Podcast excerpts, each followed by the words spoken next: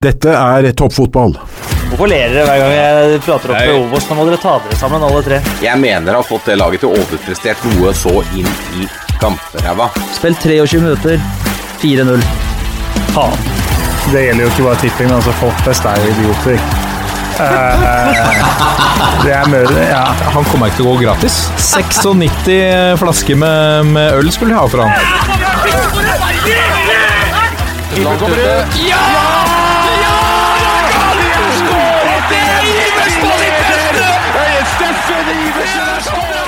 Og der er toppfotball tilbake igjen, og vi har notert oss en ny seier til Strømmen. Og da er vel eh, ikke annet å vente enn at vi får se eh, fjeset til Ole Martin Essekvist tilbake i studio. Velkommen, Ole Martin.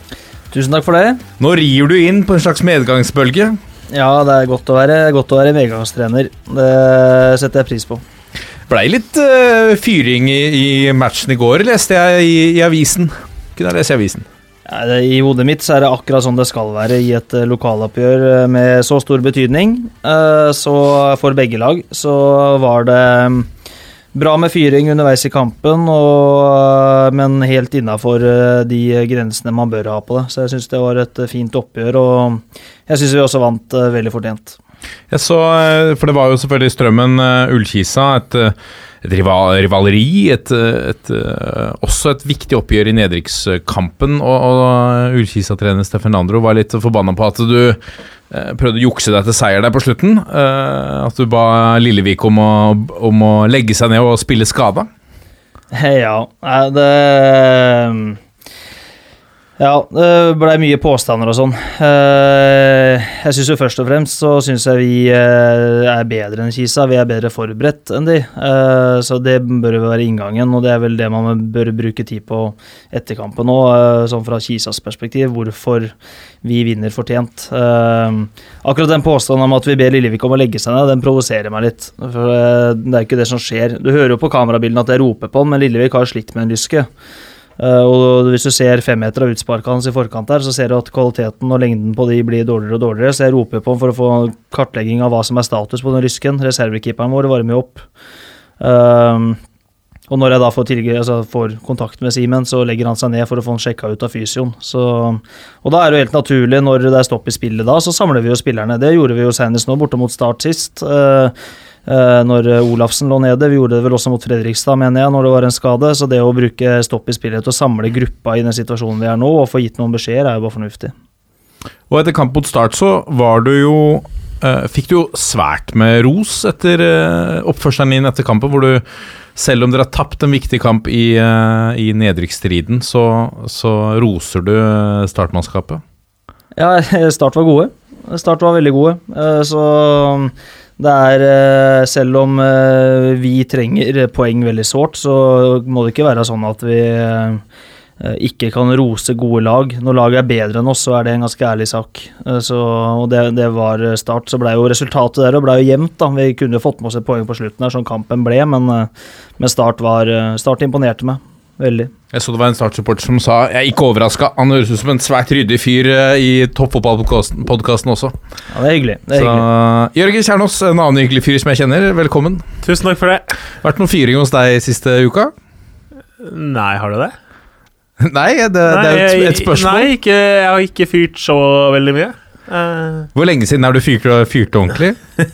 det det veit jeg ikke. Det er, det er egentlig ganske sjelden, det, tror jeg. Tror ikke jeg sitter her og er så mye sinna mann.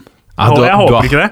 Men du har kjørt Det- noen salver her også Ja, no, mot ja, men da er det, det jeg, Ja, covid-håndtering og sånn. Der var du, ja var du da var man mør. Da var det jeg, jeg er jo litt sånn eh, På generell basis jeg, altså jeg, jeg tåler det meste så lenge jeg får en forklaring som gir noenlunde mening, jeg. Men uh, når folk bestemmer ting som jeg ikke liker, og du ikke har en god forklaring på det, da blir jeg grinete. Det, det kan jeg tro på.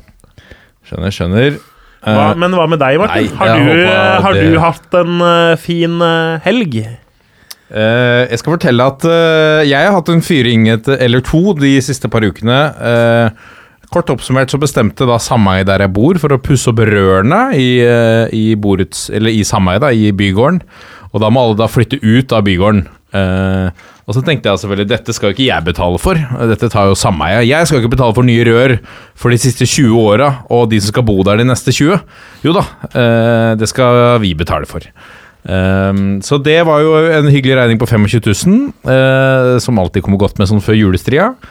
Uh, ikke bare det, men de skulle selvfølgelig sette opp toaletter og dusjer, sånn at vi kunne dusje og gå på toalettet mens dette pågikk da, i to uker.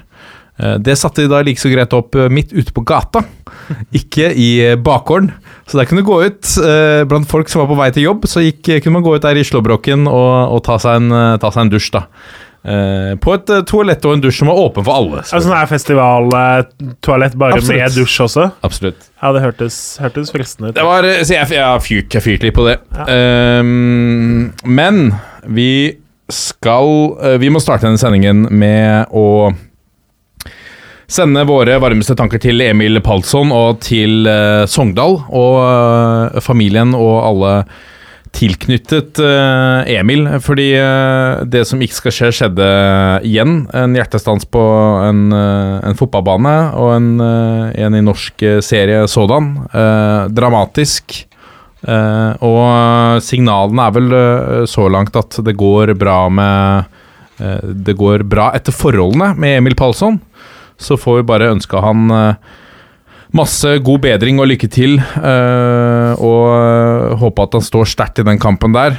Når sånne ting skjer, så, så blir fotball litt hva skal vi si, annenrangs, Jørgen Kjernås?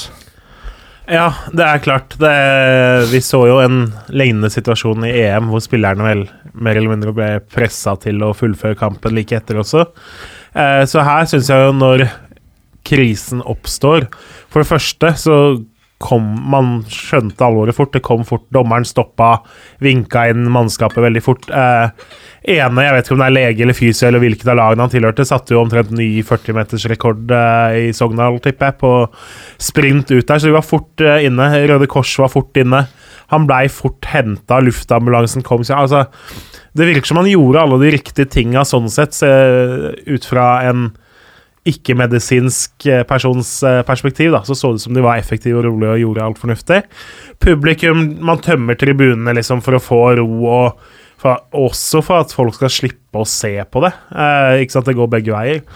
Spillerne eh, Først så er de ute og støtter, men så blir de på en måte tatt av la mannskapet få gjøre sin jobb. Eh, så det virker jo som at i på en måte i en sånn kritisk situasjon, så har man folk holdt hodet kaldt og de riktige tingene blitt gjort, da, sånn at det her forhåpentligvis ender tross alt bedre enn det kunne ha gjort. Det ser jo sånn ut når meldingene går på at uh, tilstanden hans er ganske stigende og ganske stabil. Ja.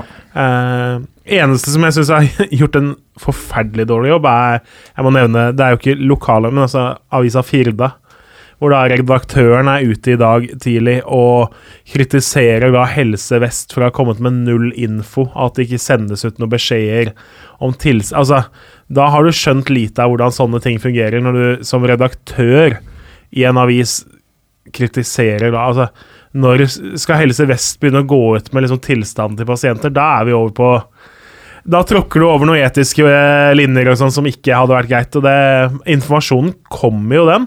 Det tok ikke så lang tid før Sogndal og deres medisinsk kunne viderebringe nyheter. Men det er jo ikke akkurat Så lenge det ligger en spiller med en veldig alvorlig og uklar medisinsk situasjon, så stresser man ikke akkurat med å sende ut pressemeldinger med eh, alt mulig av detaljer der. Så det Uh, oppi, oppi, rosen til veldig mange andre involverte, så kom det en, en inn fra sidelinja og får seg en liten kaktus uh, her også, da. Ja. Um, jeg har vel ikke lov formelt til å dele ut disse tulipanene og kaktusene. Har du ikke? Jeg delte ut en minikaktus likevel, og ganske mange tulipaner til mange som gjorde en god jobb. Ja, det var på sin plass. Um, med det sagt så må vi uh, Dette begynner jo å bli en fast spalte fordi Kjetil Rekdal har vært på Twitter igjen. Uh, det vil si, denne gangen så har han ikke gjort så mye galt, da, men nå har jo Twitter-folket her begynt å uh, henge seg opp i denne hva skal vi si, denne måten å formulere seg på med tanke på at du, hvis du skal mene noe om noe, så skal du helst ha vært uh, profesjonell i det, eller, eller vært trener, eller tatt trenerutdannelse eller lignende. Så Tweeten til Kjetil Rekdal var vel som følger. Eh, skandaløs offside-annullering av Moldes scoring. Assistent, assistentdommer med tempoproblemer og elendig avgjørelse. Flaut. Og så har vel Torstein, må vi kunne si, er denne ukas eh, respons. eh, som sier 'sykt å melde når man aldri har dømt på toppnivå selv'. Eh, og den er jo right back at Kjetil Rekdal, eh, som vi jo skal hylle litt senere i denne sendinga. Men på Twitter så får han kjørt seg litt, Jørgen. Ja, det er jo klart det Vi var jo ganske fyldige innom dette siste uke, men det du Jeg, jeg, jeg humra jo av det svaret, for det, det tar jo brodden av det og viser jo ganske greit hvorfor vi mente den tweeten originaltweeten var et skudd over mål, da. Ja. For altså, hvis du hvis du ikke skal kunne melde noe uten å, ha- å ha vært det selv i, veldig mange år, så, så hadde verden blitt et sted hvor det ikke var så lov å mene så mye om så mangt. Ja, kjenner det til land som styres på den måten? Um, I dagens sending skal vi snakke om HabKam, selvfølgelig. Arbeidet som er gjort der. Og, og snuoperasjonen, kamerataksjonen, i det hele tatt. Eh, Det skjer masse positivt på Hamar. Vi må, vi må en tur innom Eliteserien, så når vi har en representant fra Obos-ligaen her, så må vi selvfølgelig snakke en del om det også. Um, vi får to, kanskje to debutanter i landslagstroppen, Uh, eller det hvis de får seg en match. I uh, tredjevisjon har vi fått en rekke lag som da tar et steg opp neste år. Eh, I tillegg så vokser det fram da, eh, folkefinansiering i, blant klubber både i Obos-liga og lavere divisjoner. Er dette framtida for eh, norske fotballøkonomien? I Breddenytt har vi litt snacks, og så har vi en rekke lyttespørsmål til slutt. Men nå er det ukas tulipan og kaktus. Nå må de faen meg skjerpe seg, så kommer jeg å rive hodet av hver enkelt av dem.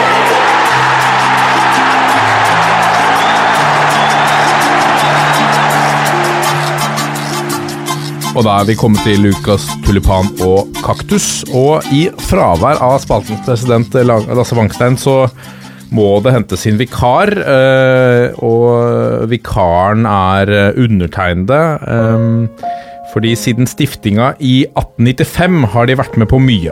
Opprykk, nedrykk, tippeligaspill, cupeventyr og fantastiske øyeblikk.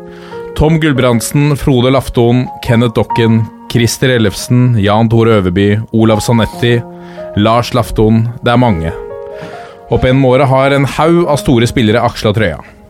I 2002 tar de sin største borteseier i førstevisjon noensinne.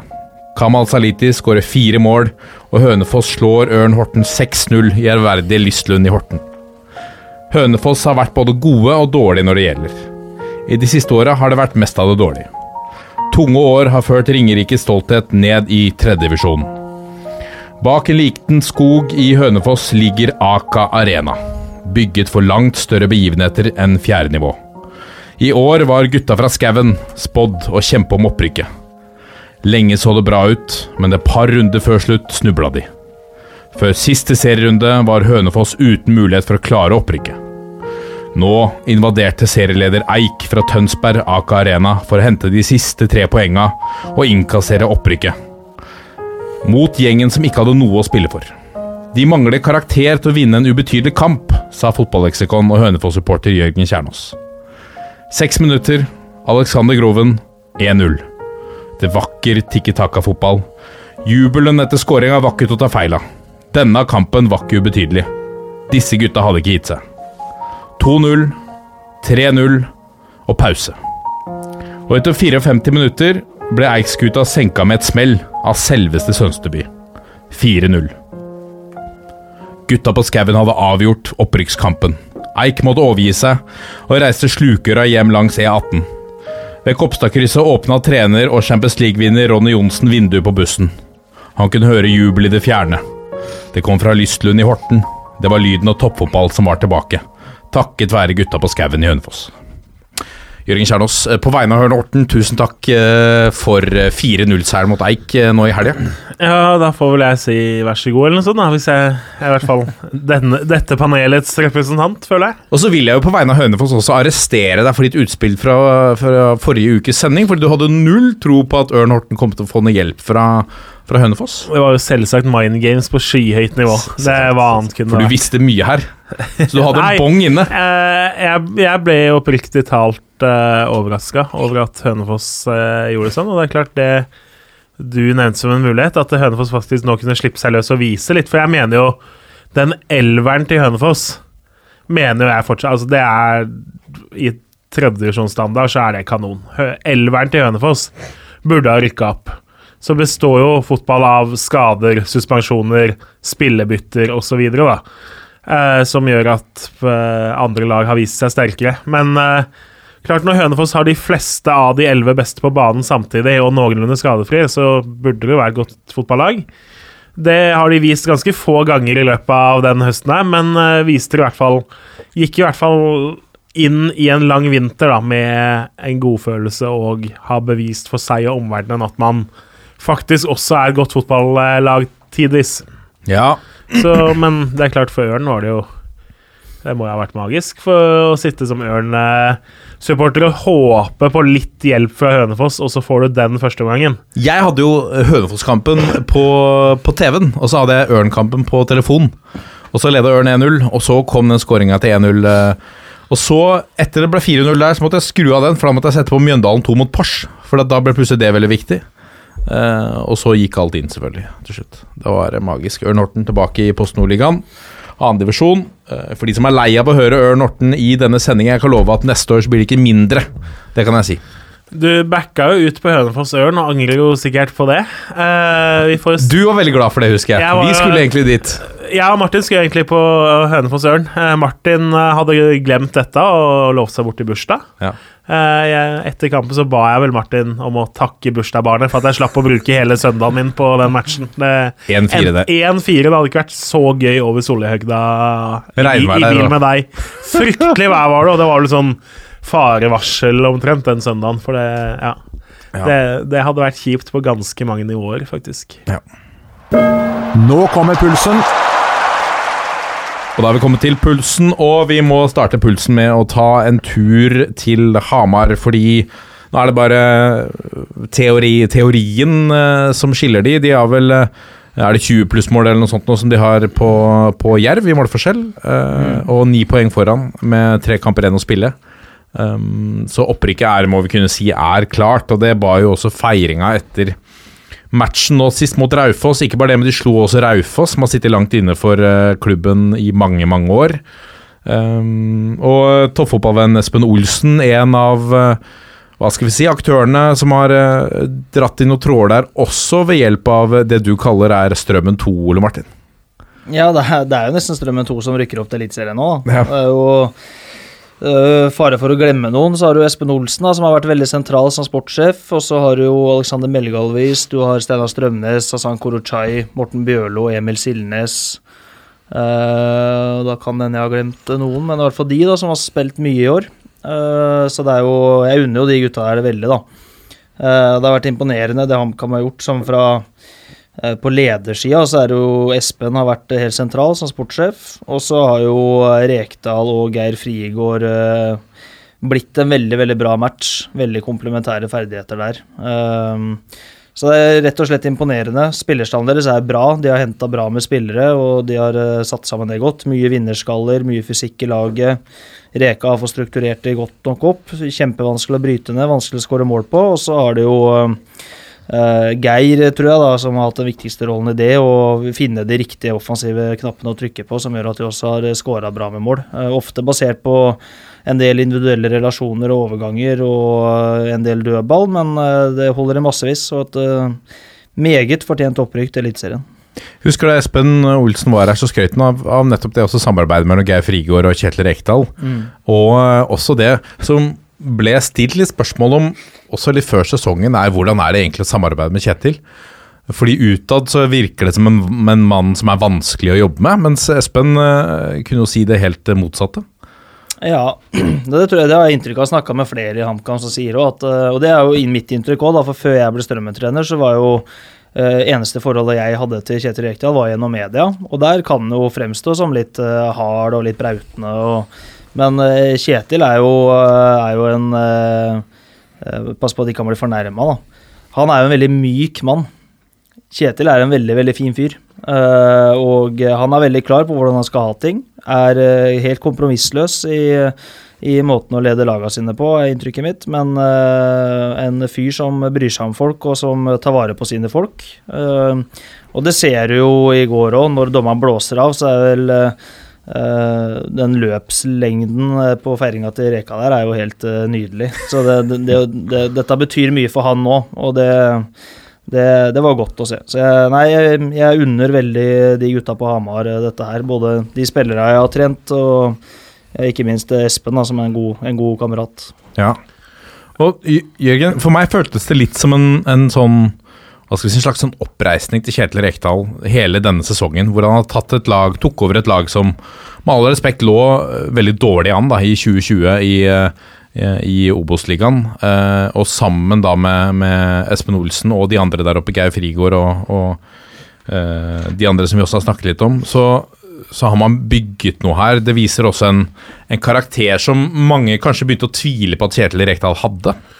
Ja, det er klart, altså Forrige jobben hans da, eh, i Start, så ble jo ikke akkurat exiten elegant med alt dette kaoset rundt første serierunde, hvor klubben ville ha han ut, og han allikevel stilte opp på sidelinja, og så laget sitt tap i første runde. og liksom Hele den der suppa det har vært litt sånn skittkasting i, i ettertid, og litt sånne angrep både fra på en måte fra klubb og fra andre nede på Sørlandet, og litt sånn uryddig og litt sånn det er jo ikke en måte å forlate en klubb på som gjør seg så fint, da, uansett hva som er årsaken, eller hvem som har mest skyld, eller hva greia egentlig er, da. Så det passa jo veldig fint for han som er bosatt da eh, noen langpasninger unna Briskeby, at HamKam virkelig trengte trener eh, i fjor. Så, men som du sier, altså, det har jo Hvis det som skjedde i start, var litt sånn Skulle dette være slutten på karrieren hans, hva er neste nå?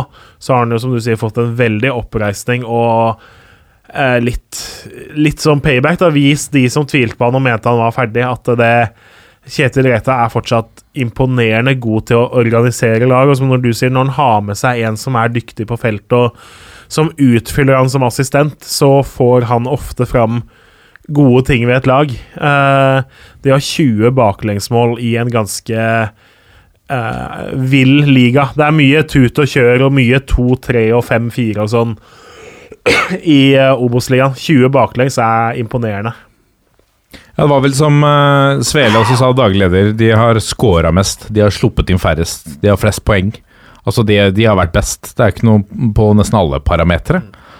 Det er jo en, en, en snuoperasjon, må vi kunne si, og en, og en sterk sesong. Og jeg også tenker, hvis vi skal vi vi kan gå tilbake til start, men jeg også husker den pressekonferansen da Ronny Deila ble ansatt i Vålinga, hvor eh, alle egentlig var vitne til Trodde man var vitne til at Rekdals exit kanskje som topptrener i Norge.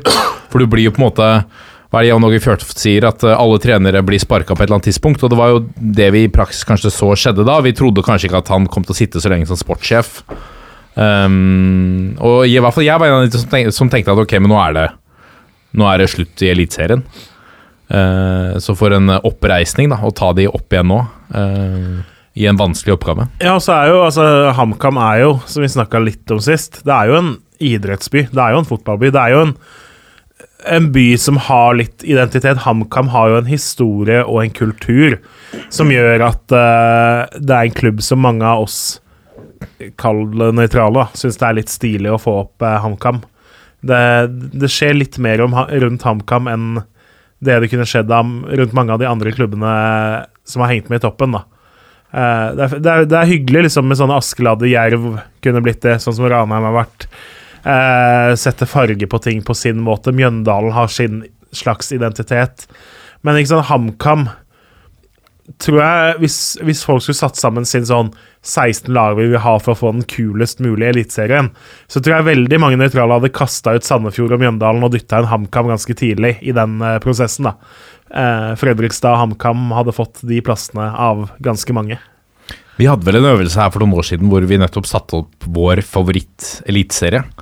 Eh, og det ble både diskusjoner og, og, og fortvilelse og oppgitthet ut av det. Men, men ja, HamKam er eh, Det blir spennende nå å se om de etablerer seg, og hva som skjer med interessen nå. Fordi det eh, leder oss jo litt over på jeg kan du hoppe inn i det, dette med folkefinansiering og, og det som skjer nå i, eh, i både HamKam, Lyn, og så så jeg senest eh, Asker også har meldt seg på på det samme. Uh, hvor man altså henvender seg til publikum og drar de mer med inn i klubben. Da for HamKams del så har det vært et konsept som heter Kamerater, hvor de har trykt opp både klær, og det har vært en eh, kameratvegg for 2021, hvor man kan få sitt navn hvis man betaler inn eh, 500 kroner, og en kameratkamp, en, en kamp i året, hvor alle kamerater slipper inn um, gratis. Uh, uh, og det har dratt inn jeg tror det har dratt inn eh, noe rundt en, en million kroner. jeg. De henta 2000 sånne kamerater inn på den måten. Litt annen måte å tenke eh, Hva er det vi har vitne til her nå? Er det, er, det, er det kreative markedshoder som har kommet inn i fotballen som, som snur litt på det? Er det ikke uh, Er ikke dette en litt annen måte å gjøre det på enn, enn å gå og banke på døra til lokale bedriftene? Nå skal jeg passe meg litt, fordi jeg har jo, jeg har jo faktisk noen år med økonomistudier bak meg, men jeg var jo veldig mye bedre på å være student enn på å studere. Bra. Så, eh, for å si det sånn. eh, det Så du er ikke ekspert om dette? Jeg, jeg har aldri fått brukt de få forelesningene jeg var på, eh, beklager mora for, til så veldig mye fornuftig. Men altså, den her folkefinansieringa til Lyn og til Asker nå, HamKam sin må jeg innrømme at jeg ikke kjenner helt like godt til, men den Altså, disse veggene var det veldig mange som lanserte i fjor under korona og hadde veldig suksess med. Godset òg, husker jeg. Det var, om det var Fredrikstad eller Det var mange klubber som hadde de her variantene hvor du kunne kjøpe deg en murstein til 1000 kroner og sånn. Uh, og hvis du kjøpte for 10 000, så fikk du deg en ekstra stor, eller ikke sant. Men de her AS-tingene til Lyn og Asker det er jo litt sånn markedsført som at nå kjøper du deg på en måte en del av klubben. Du har jo ikke lov til å eie en klubb i Norge på den måten. Altså Klubbene er medlemseid. Det de jo har gjort, som jo er lurt når du ser hvor mange millioner Lyn har fått inn, men de har jo oppretta et eh, samarbeidende AS. Eh, litt sånn som ikke sant, I Start så er jo Start en drøm. Er jo disse eierne, litt i gåseøynene, de er jo inne i det her samarbeidende AS-et, men har jo per definisjon ikke noe styringsrett over det sportslige osv. Eh, så man I prinsippet så er det jo egentlig bare sånn jeg har forstått Altså veldig mange Lyn-supportere og Lyn-venner som egentlig betaler litt penger som klubben kan bruke. da Du får jo ikke spesielt mye makt tilbake. Eh, jeg blir veldig overraska hvis det her samarbeidende greiene til Lyn eller samarbeidende greiene til Asker skal komme inn og få bestemme veldig mye. Da, hvis man har forventning om det, så bør man nok sjekke opp eh, litt hva det er man betaler for. Jeg håper og tror at de fleste har betalt inn som en slags donasjon til klubben sin, fordi Asgeir i andredivisjon vil veldig gjerne være ett hakk høyere og drømmer om å være to hakk høyere. Lyn gjelder det samme for bare at de er enda et hakk under. De ønsker seg både to og tre hakk oppover, og da trengs det penger. Men eh, så det, så det er ikke noe saging, på en måte, altså, fordi klubben har vært lure. Lyn har fått inn mange millioner, men uh, det er ikke sånn at det kommer til å vare i evigheten. Og det er jo en helt annen ting å ha 1000 stykker som spytter inn en tusenlapp hver, eller å ha en fyr som har 500 millioner i banken som kommer inn og er villig til å leke litt uh, footballmanager. Du vil jo helst som klubb ha det siste, selv om det er mye finere å ha mange supportere som har spytta inn litt. Da. Men, men en mulig konsekvens der da, kan, vi, kan jo være Ole Martin, at uh, det er klart eh, La oss si man hadde gjort det samme på strømmen. At det er 1000 1000-2000 mennesker som spytter inn penger. Eh, de spytter en tusenlapp hver, som gjør at dere har masse penger ute med. Og hvis de er misfornøyd med jobben dere gjør med de penga, så er det ikke sikkert de gidder å bidra neste år. Nei, nei, det er jo komplisert, det der. Der AS-modellen er jo Det er en større diskusjon, da. Ehm, Det er jo mange klubber som har AS-styrer, og så er det jo mange som mener at den løsninga må vekk. Eh, Men eh, i en sånn type kamerataksjon som HamKam har hatt, så er jo det du egentlig jobber med å få til, er jo å danne sånn flokkmentalitet. Hvor det skal være litt flaut å ikke være en kamerat. Uh, og så bygge en identitet og tilhørighet rundt det som gjør at ja, du bidrar med noe penger, men som kanskje den summen, den innkjøpssummen eh, du betaler for å være en kamerat, det er én ting, men det du ønsker med det, er jo at de skal komme på kamp og kjøpe pølse i vaffel. Da. Gjør sikkert ikke det på Hamar, men det er det man bør kjøpe. Og så en kaffekopp, og gjøre det jevnt og trutt. Og det er jo mange som har lykkes med. Vi var jo i en mindre skala, så gjorde vi jo det der veldig godt i Moss, f.eks. Det året jeg var der. Fikk jo veldig mye folk på kamp fordi at vi eh, greide å skape sånn flokkmentalitet på at det var morsomt å dra på kamp, og du gikk glipp av noe hvis ikke du var der. Eh, så HamKam nå hatt den kamerataksjonen. I Strømmen så har vi forskjellige typer medlemskap. som Vi, vi har ikke fått inn de enorme summene på det, men vi har nå økt medlemsmassen en del gjennom å ha 250 kroner, så blir du et støttemedlem, og da får du være med på det og det. Og, så det er jo en ganske vanlig greie i klubber. Og så er det da hvordan du promoterer og markedsfører, og hvordan du greier å skape den flokkmentaliteten som påvirker eh, i hvor stor grad du lykkes med det. Og der har jo Kameratprosjektet vært eh, vellykka. Ja, for er det ikke akkurat det du snakker om der, er, der kommer kanskje den markedsføringsbiten da, som Jørgen er ekspert på. Um, uh, fordi støttemedlem kontra medeier eller kamerat det det klinger liksom litt bedre enn Ja, nei, jeg er støttemedlem på Ja, absolutt. absolutt. Og så har jo faktisk, altså, sånn rent supporter-effektmessig, så er jo en del Altså, det her HamKam har gjort med de her kameratmerchen sin, en del av det er jo lagd såpass nøytralt og stilig at du kan gå rundt med det i en annen sammenheng i en fotballkamp også, uten å føle deg fullstendig idiot. Altså, du møter jo ikke opp på jobb på kontoret i fotballdrakt, med mindre laget ditt har gjort tidenes bedrift. Eller jeg møtte opp i Jørn Horten-drakt på mandag, Martin. Nei, jeg gjorde det. Dessverre. Nei, ikke sant, men, men altså disse T-skjortene og capsene og sånn som de har lagd, er jo uh, du, Det er ikke sikkert alle som har sett de her kamerat-T-skjortene, har oppfatta at det er et fotballag det er knytta til. Det har vel heller tenkt at det er et eller annet nytt norsk firma som lager klær. Eh, ja. Og så er det jo det de virkelig traff på, var jo Starten på dette her var jo den der videoen med han eh, Anders eh, Bosmo Christiansen på Briskeby der. Den der HamKam og jeg, vi er kamerater. Hvis ikke den videoen hadde vært så bra, så hadde det aldri vært så vellykka. For den videoen Nei. der tror jeg de aller fleste i Fotball-Norge har sett, og det er jo uansett om du er HamKam-supporter eller eh, Raufoss-supporter, eh, holdt jeg på å si. Kanskje ikke så ekstremt, men eh, det er jo en video du er nødt til å få frysninger av. Det er jo et sinnssykt eh, stykke arbeid. Og når du starter på den måten, så, så har du gjort det litt lettere for deg sjøl. Ja. Det er, eh, det er i hvert fall spennende å se at det kommer litt eh, Vi trenger litt mer sånne alternative måter å hente inn penger på. Det er vanskelig å gå og banke i døra på lokale rørleggerbedriften og sope inn de samme penga hvert, eh, hvert år. Eh, For, for de bedriftene også trenger noe nytt å, å være med på. Um, Ja, så handler jo Altså, det er jo sånn som det er Altså, det er jo FOMO. Fear of missing out. Altså, andre er kamerater, du er ikke kamerat, liksom. Det, det, HamKam rykker opp, og du er ikke kamerat. Altså, bryr du deg om klubben? Mm.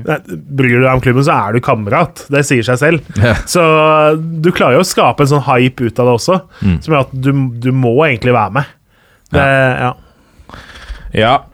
Vi må videre til uh, Eliteserien. En liten tur innom der. Eh, Den uh, snakkes jo om i en lang rekke andre eh, mediekanaler, så vi kan dekke en del andre ting. Eh, men vi eh, kan ikke unngå å nevne at vi Altså, det er eh, det er litt for tidlig å innkassere et gull eh, til eh, Bodø-Glimt der. Eh, når vi ser at de, de får litt skader og, og ting skjer. Det er ikke sikkert at man har like stor flyt blant eh, de som er blitt henta inn for å erstatte de som er ute i de siste matchene. Men akkurat nå, Ole Martin, så, så ser det ut uh, som vi får en ny, eh, et nytt seriegull til Bodø. Ja, det gjør vi. Ja, du vil fastslå det. Ja, jeg er ganske sikker på det, altså. Det, det der er jo blitt et uh, maskineri som uh, vinner kamper pga. kollektivet og ikke enkeltspillere, og det er jo ekstremt imponerende, både med tanke på de de mista etter sesongen i fjor, og ikke minst de skadene de har nå, men de fortsetter jo bare å male på. Jørgen Kjernås, har du noe som vi kan si om Bodø-Glimt som ikke allerede er sagt? Nei, det, er- jeg, altså det, det er klart det er mange som har prøvd å Jeg, jeg tror jo vi har brukt opp hele alle de fineste adjektivene jeg kan, eh, i hvert fall. Men eh, det er som du sier, altså det er et maskineri, og de nå Altså Bjørkan ut, Saltnes ut, Berg ut, hele angrepsrekka fra i fjor ut, og likevel så fortsetter de og fortsetter de og fortsetter de. Det, det er å være et lag, da. Det er, det er en helhet og et kollektiv som uh, er enda større enn enkeltspillerne. Det, det, er ikke brikkene som lager laget. Uh, laget er der uansett om du har Nå har de bytta ut halvparten av brikkene, og de er fortsatt suverent best. Så det Men det er klart, jeg Det er jo prosentmessig. Det er jo ikke 100, men vi er jo ganske høyt opp. Så veit man jo, altså Glimt nå, i tillegg da, til at de har tre europacupkamper, eh, Molde har ingen. De skal altså bort til Haugesund i neste match. Haugesund er jo ustabile. Men Haugesund på gress eh, i Haugesund i november, det er ikke alltid en enkel oppgave. Lillestrøm hjemme i neste, så klart Glimt er klare favoritter, men den mentaliteten og den eh, flyten Lillestrøm har med seg fra Lerkena hvis, hvis LSK da slår Vålerenga òg, så er det litt synd for dem at det er landslagspause, og så skal de opp til Aspmyra. Eh, men likevel, Lillestrøm hjemme nå, så Glimt vinner jo den syv av ti ganger, åtte av ti ganger, men det har skjedd sykere ting enn 1-2 der. Så skal de jo til Lerkendal. Så møter de et desperat Brann i nest siste. Så klart, igjen Glimt enorme favoritter, da. Men et Glimt som kjemper Kanskje Nei, et Brann som kjemper for livet. Kanskje Brann klarer å finne fram et eller annet som ingen av oss trodde de hadde i seg. Og så er det da Mjøndalen borte i siste. Og da har Glimt potensielt spilt en avgjørende kamp for å gå videre i Europa tre dager tidligere. De mø altså, Mjøndalen, hvis Mjøndalen trenger ett eller tre poeng i den kampen, så er det i hvert fall ikke en kamp du gleder deg til å spille sånn altså ankelen din og eh, baksiden av kneet ditt og eh, ribbeina dine gleder seg ikke til den kampen, da. Så du ender jo opp med at vi er De er 95% i mål, men de er ikke, de er ikke over målstreken eh, helt ennå, da. Nei, jeg syns det var litt tidlig med tanke på det programmet som er igjen også. Og, Okay, men jeg, jeg er ikke fagmann, da, så jeg kan ikke mene om det. Nå må Eh, dere slutte å krangle med meg på det der. Dere har ikke tatt trenerkurs. det er sant. det er sant. Eh, litt lenger ned med heisen der, da. Uh, ikke helt med heisen, men, men i bunnen av tabellen der. Uh, Mjøndalen plutselig begynte å, å, å plukke. Ja, så Hva gjør du når håpet er ute og desperasjonen er stor? Du leter fram en uh, sympatisk, fin fyr fra Årvoll. Er ikke det alltid fasiten på de fleste verdensproblemer? Burde være. tenker det. Lars Olden Larsen har jo Altså, nå har han selvtillit, og nå har han form. Han har jo både i uh, Koffa i 2019, men også tidvis i Mjøndalen vist fram han den høyre slegga er jo mannevond. Uh, og den, det første målet hans i Skien, det er jo en av årets eh, skåringer, kanskje. En sånn duppe ballong, eh, ballongskudd. Likte han også i postmatch der, hvor han var veldig sånn Han var ikke overraska i det hele tatt. Han dunka inn sånne kasser for eh, Koffa i mange år, han. Så han er ikke overraska over at Det var fint å se at de også gikk i Elit- i Eliteserien, sånn. Ja, det er jo Mjøndalen har jo slitt med det har, det har ikke vært så lett å se hvem som skal stå fram. Benjamin Stokka har ikke vært helt det man håpet på. Kent Ova Eriksen har også levert OK siden han kom inn, men han har jo ikke vært noen frelser som har gjort dem til et veldig mye bedre fotballag, han heller. Så de har trengt at noen ordentlig står fram, og plutselig så kommer det jo eh, Kommer da Lars Olden Larsen med det skuddbeinet sitt, og det er klart Mjøndalen var nederlags holdt på å tippa rett ned, og nå så det sjanseløst ut. Nå er det plutselig to poeng opp til kvalik for dem òg, da. Og det overlevelsesinstinktet på Nedre Eike har vist seg å være ganske sterkt de siste sesongene. Så det er jo derfor jeg tenker at eh, Mjøndalen-Bodø-Glimt Det er jo i utgangspunktet en klar H, spesielt Nei, B, hvis eh, Glimt må vinne. Men det er ikke den kampen, det er ikke det laget jeg ville valgt meg å møte i si, siste runde, selv om de ligger sist på tabellen. I Christian Gauseth sin siste match. Og Ja, men altså Mjøndalen som spiller for å overleve, da, det Det hadde vært bedre for dem å møte et ferdigspilt Sarpsborg eller et ferdigspilt Odd enn å møte et Mjøndalen som kjemper for livet i siste runde. Ja. Og det ligger an til en fantastisk kamp der, da. Hvis Mjøndalen eh, kommer på kvalik med seier, og Glimt må vinne for å ta gull, så blir det jo skikkelig Den skal jeg se, i hvert fall. ja. Ja, jeg, ja, det var jo noen sånne Man liker jo de casene oddsmessig, og jeg hadde jo Jeg håpa jo hvis uh, Ørn, Ørn Follo kunne jo blitt en sånn match hvis det hadde blitt 1-1 der, og så hadde uh, Flint gjort jobben sin, så kunne vi hatt sånn at begge lag trengte et mål på slutten for å få det de ville ha. Det stemmer. De kampene er jo veldig gøy å se på, og ja. Heldigvis uh, gikk det helt i orden, det, Jørgen Kjernås. Um, Hva med Vi må Altså, eh, det er så stor spenning i bånn her. Brann um, har for så vidt også et, et litt uh, Det har ikke det enkleste De har ikke de enkleste matchene som står igjen her heller. De har Molde vel om to-tre runder. De har Rosenborg nå, og så Ja. har de Er det ikke både Glimt og Molde i de to neste etter? Ja, ikke sant. Det begynner å lukte litt uh, Obos av, av det brannlaget, altså. Kanskje mer akkurat nå, mer tro på at Mjøndalen holder seg enn en, enn Brann. Ja, det programmet er ganske ugjestmildt, så har vel noe, vi tenker Brann har Sandefjord borte, i hvert fall. Og så er det, er det Sarpsborg som er siste matchen deres, kanskje? Eller noe sånt Ja, noe? Hjemme på Brann. Yes, så de må jo slå Sandefjord og Sarpsborg, tror jeg. Eh, eller gjøre et eller annet mot eh, et av de tre topplagene. Ja. De fire poeng holder nok ikke. Jeg ville ikke tatt sjansen på Jeg tror ikke de hadde takka ja til å få fire poeng nå på de fem kampene, for det er sannsynligvis eh, for lite. Jeg tror både Stabæk og Mjøndalen, når desperasjonen er stor Du ser jo Stabæk er jo et svakere lag enn Haugesund, men vinner likevel 2-1 nå sist. Det, det går på vilje og motivasjon. Eh, og de resultatene har du en million eksempler fra i fotballhistorien, hvor et nederlagstrua lag eh, vinner mot et lag som har ganske lite å spille for i, mot slutten. Ja. Stabæk har igjen Sarpsborg Lotte. Eh, Rosenborg uh, Og de har vel Odd i uh, siste, og Kristiansund inne der også. Det er ikke det, er ikke det enkleste, det heller. Nei, men det, du, et ferdigspilt Kristiansund og et ferdigspilt Odd de har begynt å slå, slå i sprekker, de der oppe. Ja. Det blir en, en veldig interessant eh, avslutning på Eliteserien. Vi må hoppe til uh, Obos-ligaen. uh, for Ole Martin, dere uh, tok de viktige Altså, hva skal vi si? Dere satte igjen med tre poeng i den sekspoengskampen mot Ullkisa. Mm. Kan det bli helt avgjørende? Hadde vi tapt i går, så hadde vi vært ferdig. Ja. Uh, så vi, vi har tre cupfinaler igjen. Vi må vinne alle tre. Kan i teorien holde med én uavgjort, men det, det, det er, eh, det er, jo langt inne i teorien. Så vi, vi må gå for å vinne alle tre, og da, det som gjelder da, det er å ta én kamp av gangen, da. Så det blir den gode gamle der, altså. Nå har vi Raufoss på lørdag, og den må vinnes. Mm.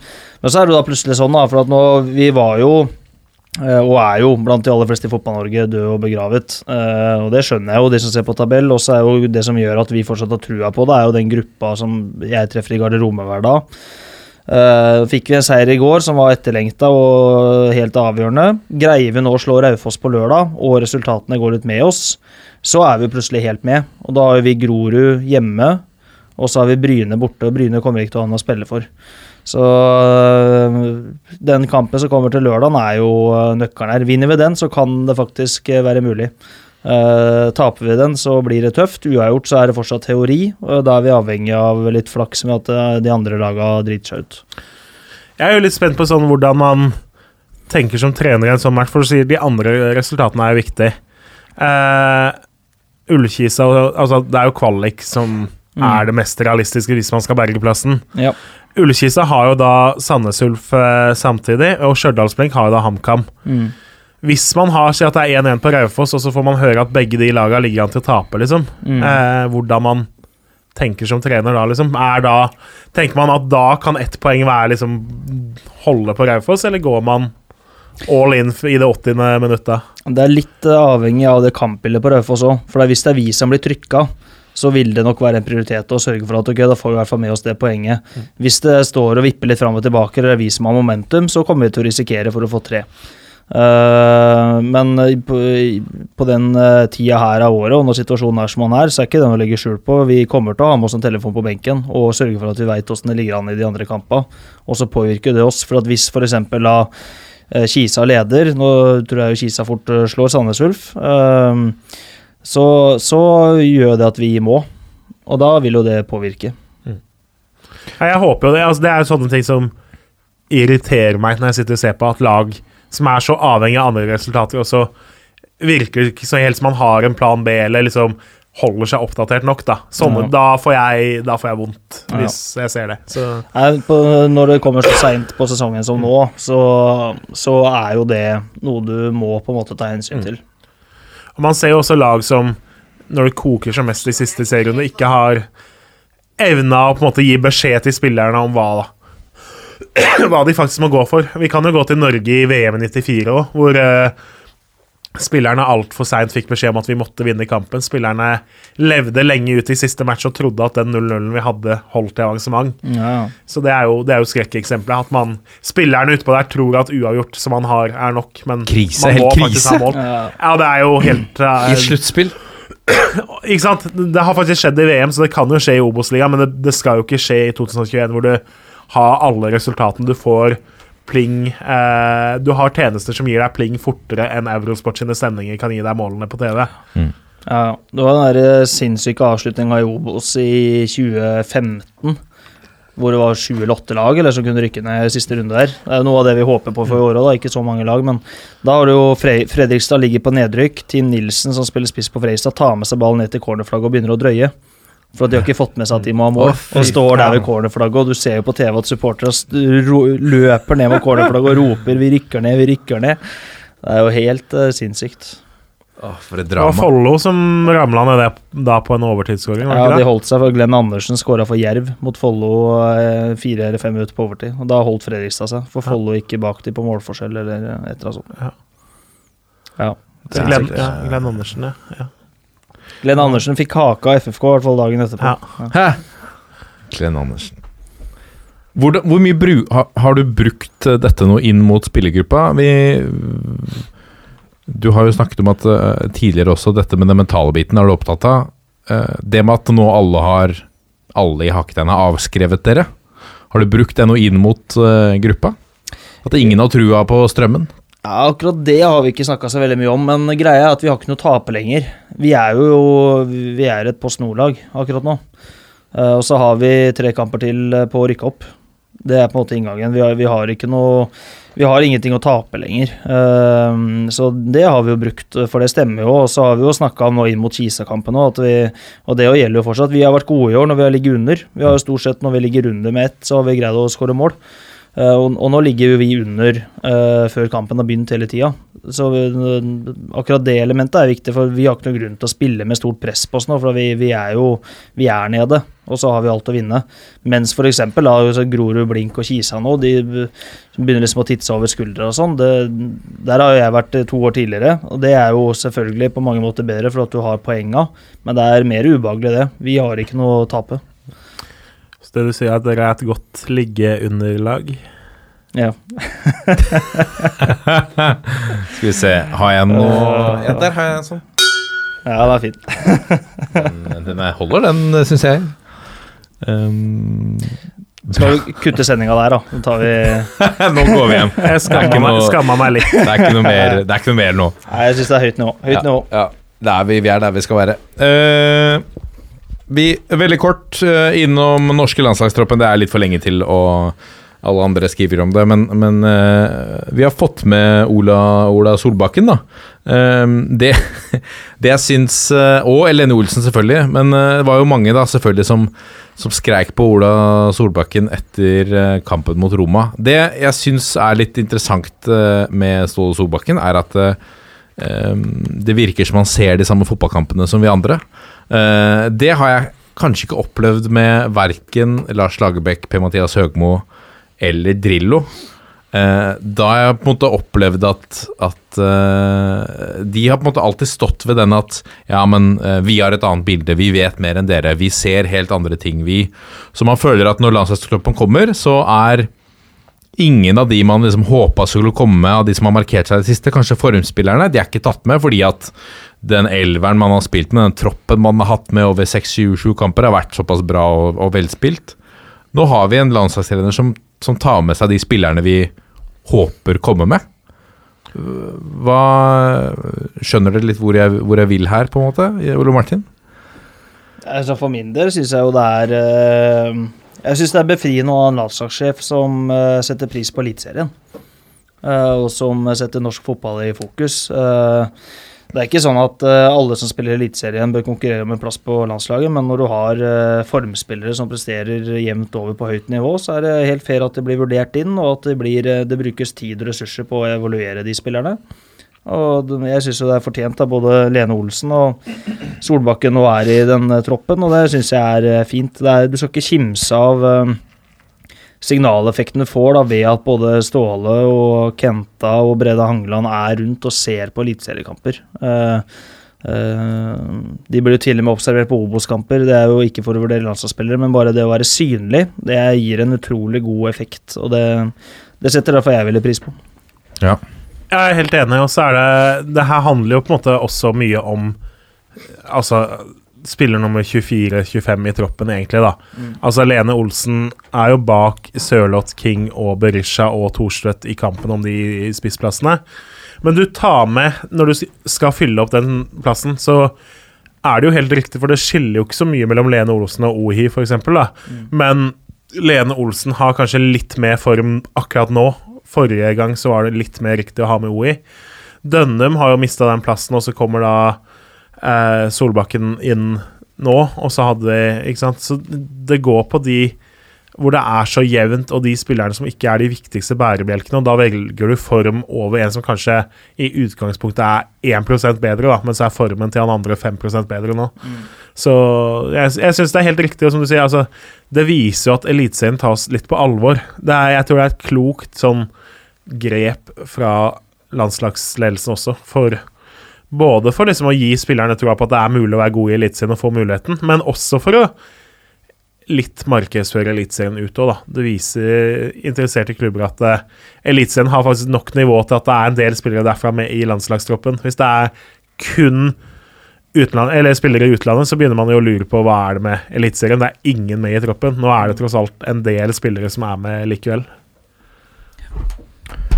Det blir uh, meget uh, spennende. Uh, han var raus også med komplimentene til kanskje spesielt til Ola Solbakken også på pressekonferansen, Ståle, så, så det, det, ligger jo Jeg føler jo det ligger litt i korta her at han, at han spiller en eller annen slags rolle, selvfølgelig helt avhengig av kampbildet, kanskje aller mest mot Latvia, da. Eller eh, mot eh, altså Jeg kan se for meg i, mot Nederland så kommer til å ligge mye dypt, men, men da også kanskje i form av en kontringssterk spiller å sette inn på? Ja da, det er scenarioer der også som gjør at Solbakken er aktuell for å komme inn på. Det er det utvilsomt. Det som er negativt, selvfølgelig, er at det blir jo tunge krøll her uh, framover. For det blir Solbakken der og Solbakken der, så det er jo selvfølgelig nedsida. Så kanskje vi må kalle den for Ola, bare. Rett og slett Ola Nordmann som er tatt med i troppen. ja. Så må vi en tur innom tredjevisjon. Vi har jo allerede snakka litt om det. Men eh, jeg fikk eh, Jeg får ofte uh, noen meldinger fra min far som sier at nå kan du hilse Jørgen Kjernås og si at. Det er ofte setningene begynner. Det er gjerne fordi du har tippa Ørn Horten på en fjerdeplass, som du gjorde i fjor, eller i år. Og så vinner de ligaen, selvfølgelig. Men uh, han har tatt seg bryet med å oppsummere tippetipsa dine for, uh, for tredjevisjon. Og hvor, hvor fornøyd er du? Vi kan jo gå gjennom avdeling én. Uh, der tippa du Elverum. Endte med Gjøviklyn. Elverum på tredjeplass. Gjøviklyn tok full pott. Elverum endte 16 poeng bak, eller noe sånt noe. Ja. Det er klart, Der har jeg sagt litt at litt av den tippinga er litt sånn Når jeg ser de andre som tipper tabell, når alle tipper Gjøviklyn, og så sitter man og føler det er 55-45 fordel i Gjøviklin, så er det litt fristende å skille seg ut og gå, på en måte, gå den andre veien enn andre. da. For da blir du litt ekspert, på en måte? Ja, det, man, man, jeg, jeg, tenker litt sånn man ser, altså Hvis man har fått med seg hva andre tipper, da, mm. eh, eller hva folket mener, at det er, det er litt fristende å eh, vurdere da sannsynligheten for noe opp mot det alle andre tror. Ja. Eh, det er litt sånn samme som på tippekupongen. Hvis du har et lag som har 70% sjanse for å vinne, og så er det 90% som har kryssa av for den H-en. Da er det jo fin verdi i å gå på U og B. Litt ja. sånn samme tankegangen er det. Så du overfører den egentlig til dette? Ja, litt. Man uh, ikke sant, Å tippe en tabell riktig med 14 lag, det er så mange, jeg husker ikke i farta, men det er liksom 100 millioner muligheter, da. For det er jo 14 ganger 13 ganger 12 ganger 11 ganger 10 og så videre nedover. Muligheter for hvordan den tabellen skal ende.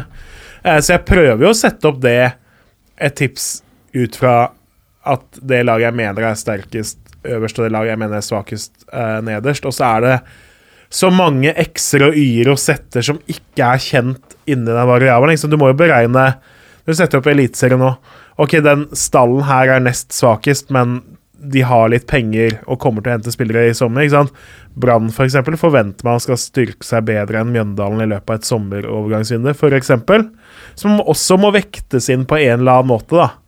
Eh, og så blir det som sagt litt vurdering at noen ganger så vil man skille seg litt ut hvis man er i tvil og ser eh, litt skille seg ut fra mengden. Men, i, men det er klart, man er ikke fornøyd når, man, eh, når et lag vinner alle kamper og man ikke har, tippa dem på topp. Så er det vanskelig å være veldig fornøyd med det, da. Hvor mye kom dette med at det var kun var 13 kamper da i tredjedivisjon i år eh, spilt inn? For da er du inne på det som du nevner, at et lag kan jo ha en veldig god elver og slippe unna med det i 13 kamper. Det som spilte størst rolle der, var at jeg brukte en del tid på å prøve å forutse disse andre lagene. Eh, Det er jo gunstige og ugunstige tider å møte andre lag på. Eh, Gjøvik-Lyn f.eks. møtte jo småguttlaget til Ullkisa omtrent i første runde der, mens, mens Gjelleråsen møtte et uh, Obos-lag. Så sånne ting spiller jo inn. Man vet sånn cirka når andre lagene vil stille svakt. Sånn som i siste runde, da. Eh, nest siste runde så må de spille lørdagen. Eh, visste jo at Skeid kom til å sende et svakt lag opp til Rana med Skeid 2, fordi de første laget skulle spille opprykkskamp mot Kjelsås samtidig. Eh, du trenger ikke være spåmann for å skjønne at eh, det Skeid 2-mannskapet ikke blir årets eh, sterkeste når de har berga plassen. Så en del sånne terminlisteting prøvde jeg å forutse, da, eh, inni det. Ja. Noen lag har flaks, noen lag har uflaks, men når de møter andre lag. Og det gir seg kanskje enda større utslag når det er 13 matcher og du har fire-fem andre lag inne i avdelinga. Gå videre, da. Avdeling to. Og, da vi og, om og ikke minst hjemmebane bortebane. da. Du møttes én gang. Det Yes, en spiller du toppoppgjøret, antatt uh, opprykksfinalen på hjemmebane, så er jo det også en faktor. Ja. Avdeling to, der har du tippa Eik Tønsberg av en eller annen grunn som, som vinner. Der vant Ørn Horten vant den uh, avdelinga. Vi kan gå videre. Veit ikke om jeg har hørt om det. det nei. Nei, Uh, avdeling tre, der hadde du både du og, og det var flere andre som hadde Stål Jørpeland på, på førsteplass, og det endte sånn. Ja, Stål var gøy, det. Det var uh, når man hø Jeg hører på denne When We Were Kings. Jeg har faktisk begynt å høre på podkast. Tro, det etter- Yes. tro det eller ei. Det er etter fem år i podkaststudio. Det bra med. Eh, hvor man snakker om at sant, i Tyrkia så er toppkampa Tribunene er fullspekka seks timer før kamp. Det var nok ikke seks timer før kamp på Jørpeland, men en times tid før kamp så måtte du regne med ståplass hvis du kom og hadde tenkt å se at de skulle spille mot Ekspress. Ja. Så var det litt sånn nervøs åpning, og selv om Stål var best, så hadde Ekspress noen ok muligheter, de òg, på 0-0. Og så kom med 1-0, og så kom Even Østensen er så klart eh, framme og skårer litt mål. 2-0. 3-0 kom, og så kom 4-0 til slutt. Og det er fest, og det er jubel, og Det var jo en veldig, veldig jevn avdeling, hvor det egentlig gjennom hele sesongen og fram til 91 minutter gjensto av sesongen, så var det mange lag som kunne rykke opp. Så Og Stål var jo avhengig av å vinne selv, eller at Sola ikke vant. Også kunne også Vindbjart gå videre, videre. Eh, Sola leda 2-0 veldig tidlig mens det var 0-0 for Stål, så det var jo faktisk litt spenning en eh, stund der. Men klart, 4-0. Det, det er så man et lag som virkelig hadde noe å spille for mot et Ekspress som var litt ferdigspilt. Og selv om Stål har vært gode, altså den store forskjellen er jo Even Østensen. Det er, det er en del gode spillere, og det er en del OK navn i tredjevisjon, men jeg er usikker på om du har noen som er bedre enn Even Østensen, som har spilt på det nivået i år. Ja, for han hadde jo vært med i en eliteseriestall. Ja, han hadde jo muligheter. Klart nå, Viking ble jo ikke helt uh, liksom det ja, Han var jo litt tydelig selv på at det kanskje var litt ferdig for det hans del, men han kunne spilt for en Jeg er ganske sikker på at hvis han hadde banka på døra til Ole Martin i sommer, så hadde Ole Martin eh, tilbudt kaffe. Ja, jeg har prøvd å banke på døra til Even Østesen flere ganger, jeg. Så, Vil ikke slippe deg inn. nei, han eh, er, Stål Jørpeland er jo Morten Bjørlo er jo derfra. Ja. Og han eh, som i fjor var fysisk trener hos oss, som nå er i LSK, han, han også er derfra. Så de er jo venner med Even. Så gjennom det så har vi forhørt oss litt, men uh, han ville jo trappe ned. Men jeg er helt enig, Even Østensen hadde spilt på de aller fleste Obos-ligalagene. Ja, du begynner å snakke om at det er kanskje liksom to lag hvor han ikke hadde vært 100% fast. Liksom. Altså, Ja. litt sånn ok, Ålesund har Sigurd Haugen har vist form etter hvert, Ja. og litt sånn, men altså Han hadde spilt De hadde funnet en plass til han på laget, de òg. Ja. Han hadde spilt mye, så ja. Ole Martin, du har vært med på når vi snakker om sesong eh, Altså avslutning på sesongen her, kjempe mot eh, nedrykk, kjempe for opprykk. Du har vært med på både å holde plassen uh, ved flere anledninger, også to opprykk. Ett med Trosvik og ett med Moss, er det vel? Mm. Hva er forskjellen på på de to på en måte feiringene? Jeg regner med det feires både for å holde plassen og for å, Ja, for å klare opprykket? Ja, jeg har jo vært med før på å feire et veldig godt forsøk òg, når vi rykka ned med Moss. Ehm, det er jo uh, Da feira dere et godt forsøk? Ja, vi måtte jo det. Ja. Det blei jo sånn etter hvert. Uh, nei, uh, forskjellen jeg, jeg vet ikke om det er så mye forskjell. Jeg skal være helt ærlig, så er det altså de festene når vi har holdt plassen med strømmen, har egentlig vært bedre. For at når du, er, du har rykka opp, så er du, i hvert fall sånn for min del, du er utlada, du er veldig sliten. Uh, det er du jo på mange måter når du har holdt plassen nå. Det er krevende å stå i det, men det er det er vanskelig å sette fingeren på. De beste festene jeg har hatt eh, med lag og sånn, er når vi har holdt plassen. Eh, men opprykksfesten i Moss var jo selvfølgelig outstanding. Men den jo den beste opprykksfesten vi hadde med Moss, var jo den som kom fire uker etter at det var klart. Når folk hadde fått landa litt og lada batterier og, og det, du fikk planlagt det skikkelig. Men uh, det er uh, uansett hva du gjør, når du oppnår noe som har vært en målsetting, så er, det, er jo det gøy, da. Um, vanskelig å sette fingeren på akkurat hva det er. Men det, det er sånn når jeg leser etter eh, Jeg selvfølgelig lest masse etter Ørn Horten-kampen, så, så er jo noe av det da daglig leder Kjetil Ramberg sier etter kampen at nå skal vi sette oss ned, vi skal evaluere, vi skal planlegge for andredivisjon, vurdere Vi må ha en, en sterkere spillerstall osv. Så, videre. så et element her i når du feirer opprykket, er jo at du som spiller veit ikke om jeg er god nok for å spille Jeg veit ikke om jeg, den gjengen her om jeg spiller den neste år, da.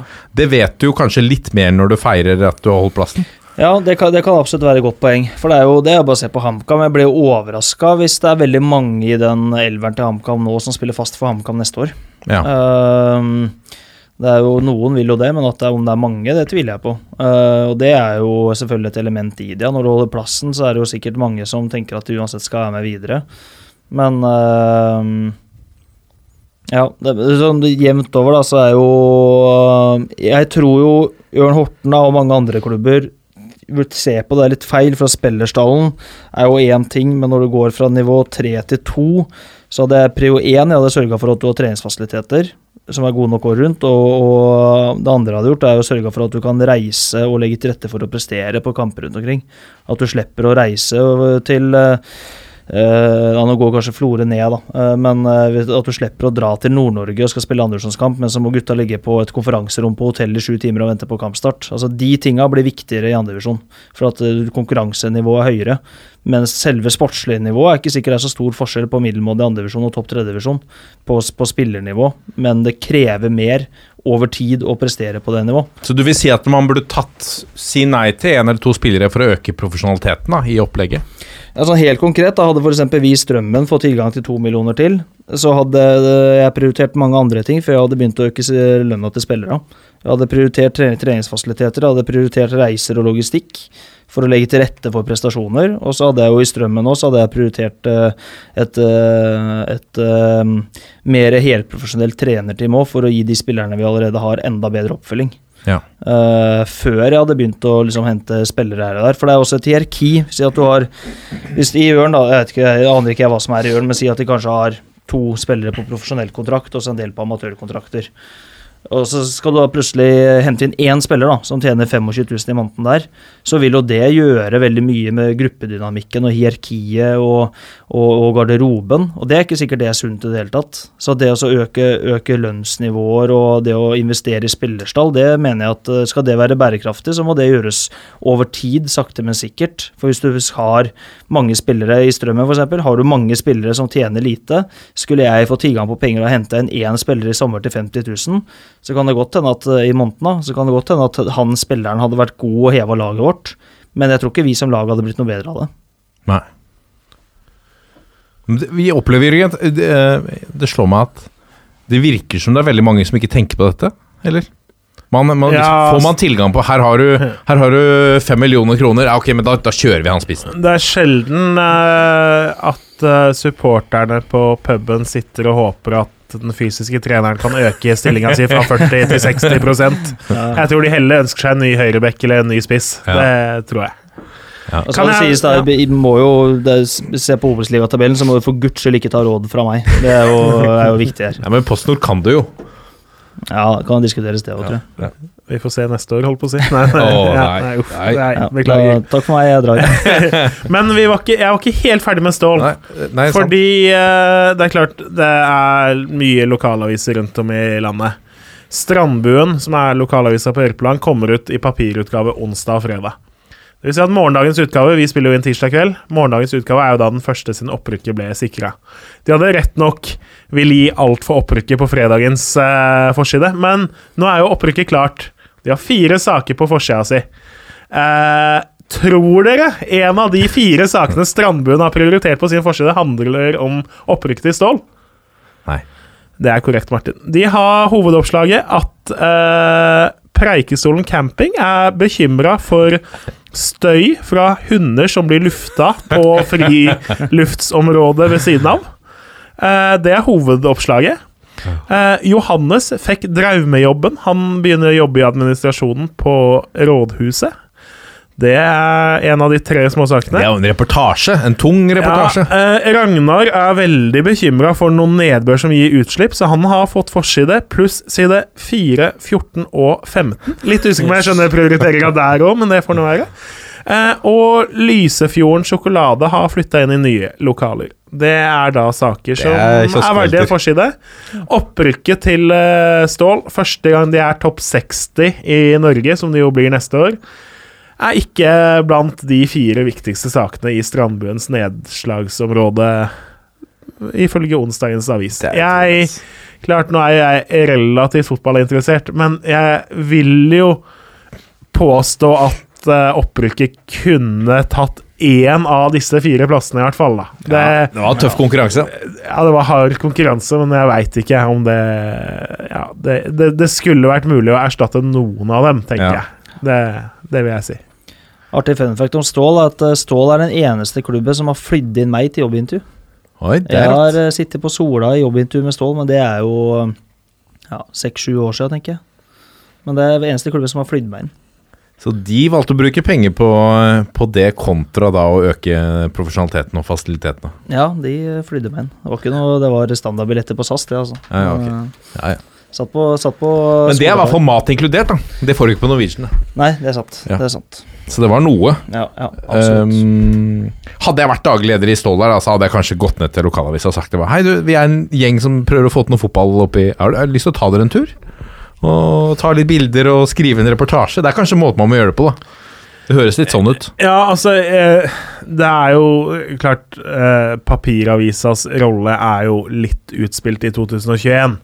Det, og det kan jo hende Det er vel mye eldre som stort sett holder avisa, som min bestemor ville sagt. Eh, sånn at kanskje det er noen prioriteringer som er på en måte litt utenom det jeg tenker. Men skjer det jeg Holdt på å si Det må da være mulig å tenke seg at et opprykk, det er ikke så ofte man får der, altså. Det Jeg ville jo satt det ganske høyt på den forsida hvis jeg var eh, ansatt i Strandbuen, må Ja. innrømme. Men det er du ikke, Det er ikke. og det er sikkert hensyn der som du ikke kjenner noe til. Det Eh, kan godt så- hende denne campinga er veldig plaga av disse hundene, for alt jeg vet. Ja.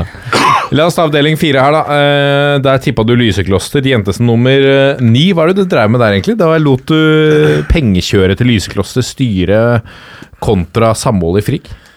Snakka vi ikke litt om det? Altså Hvis Frigg, nei, Lysekloster hadde rykka ned, som det jo faktisk var reell fare for eh, før siste runde, så hadde det vært en av de største underpresteringene i norsk fotball på veldig, veldig, veldig lenge. Ja.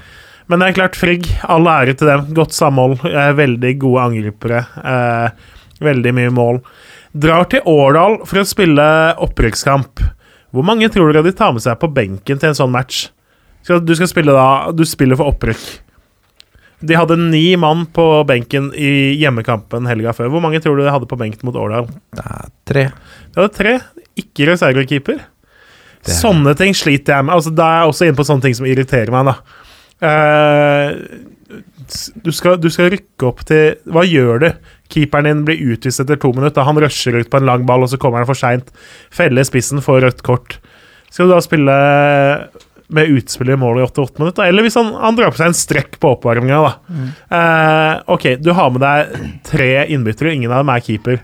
Må en av de stå i mål, da? Du skal rykke opp, liksom. Det Ja. Det er klart Frigg har en god elver, og Frigg har en større stall enn i fjor, men eh, akkurat den sleit jeg litt med å skjønne. Det kan godt hende reservekeeperen ikke fikk Frigg fra jobb, men ha, det må da være en eller annen keeper i Frigg-systemet som kan være med just in case, eller et eller annet. Det, sånne ting irriterer meg, og det samme Da er vi faktisk oppe i annen divisjon. Senja hadde hjemmekamp mot Hødd i helga. Senja kommer med 13 mann til match i annen divisjon. Det er greit at de har rykka ned og ikke har noe å spille for. Eh, det er greit at andre lagene spiller i femtedivisjon, som sikkert er greit, det er ikke et kjempehøyt nivå. Det er jo den femtedivisjonen vi snakka om med den syke tabellen hvor eh, så mange lag ble endra på resultat. Men, og Senja var jo da ett poeng unna å rykke opp med sitt andre lag der. Men eh, altså, det kan ikke de to beste 17-åringene i Senja Er ikke de på er ikke de gode nok til å få sitte på benken når du uansett bare har to mann der fra før? liksom? Ja. Uh, er det ingen i Senja som er gode nok eller interessert nok eller verdige nok til å få den tredje, og fjerde og femte benkeplassen mot Hødd? Altså, når jeg var 17-18 år og spilte i Årvoll fortsatt Altså, vi, jeg, jeg var jo ikke i nærheten av god nok.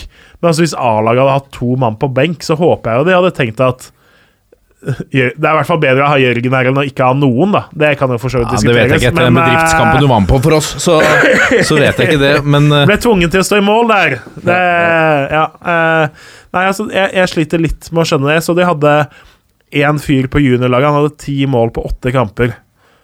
For, og det er, nå er ikke det Det så ikke ut som det var et vanvittig nivå på den serien, men altså han skulle ha ti mål på åtte juniorkamper. Han må da kunne sitte på benken i tilfelle de får en fyr skada i det 85. minuttet og har brukt opp de to innbytterne sine, liksom.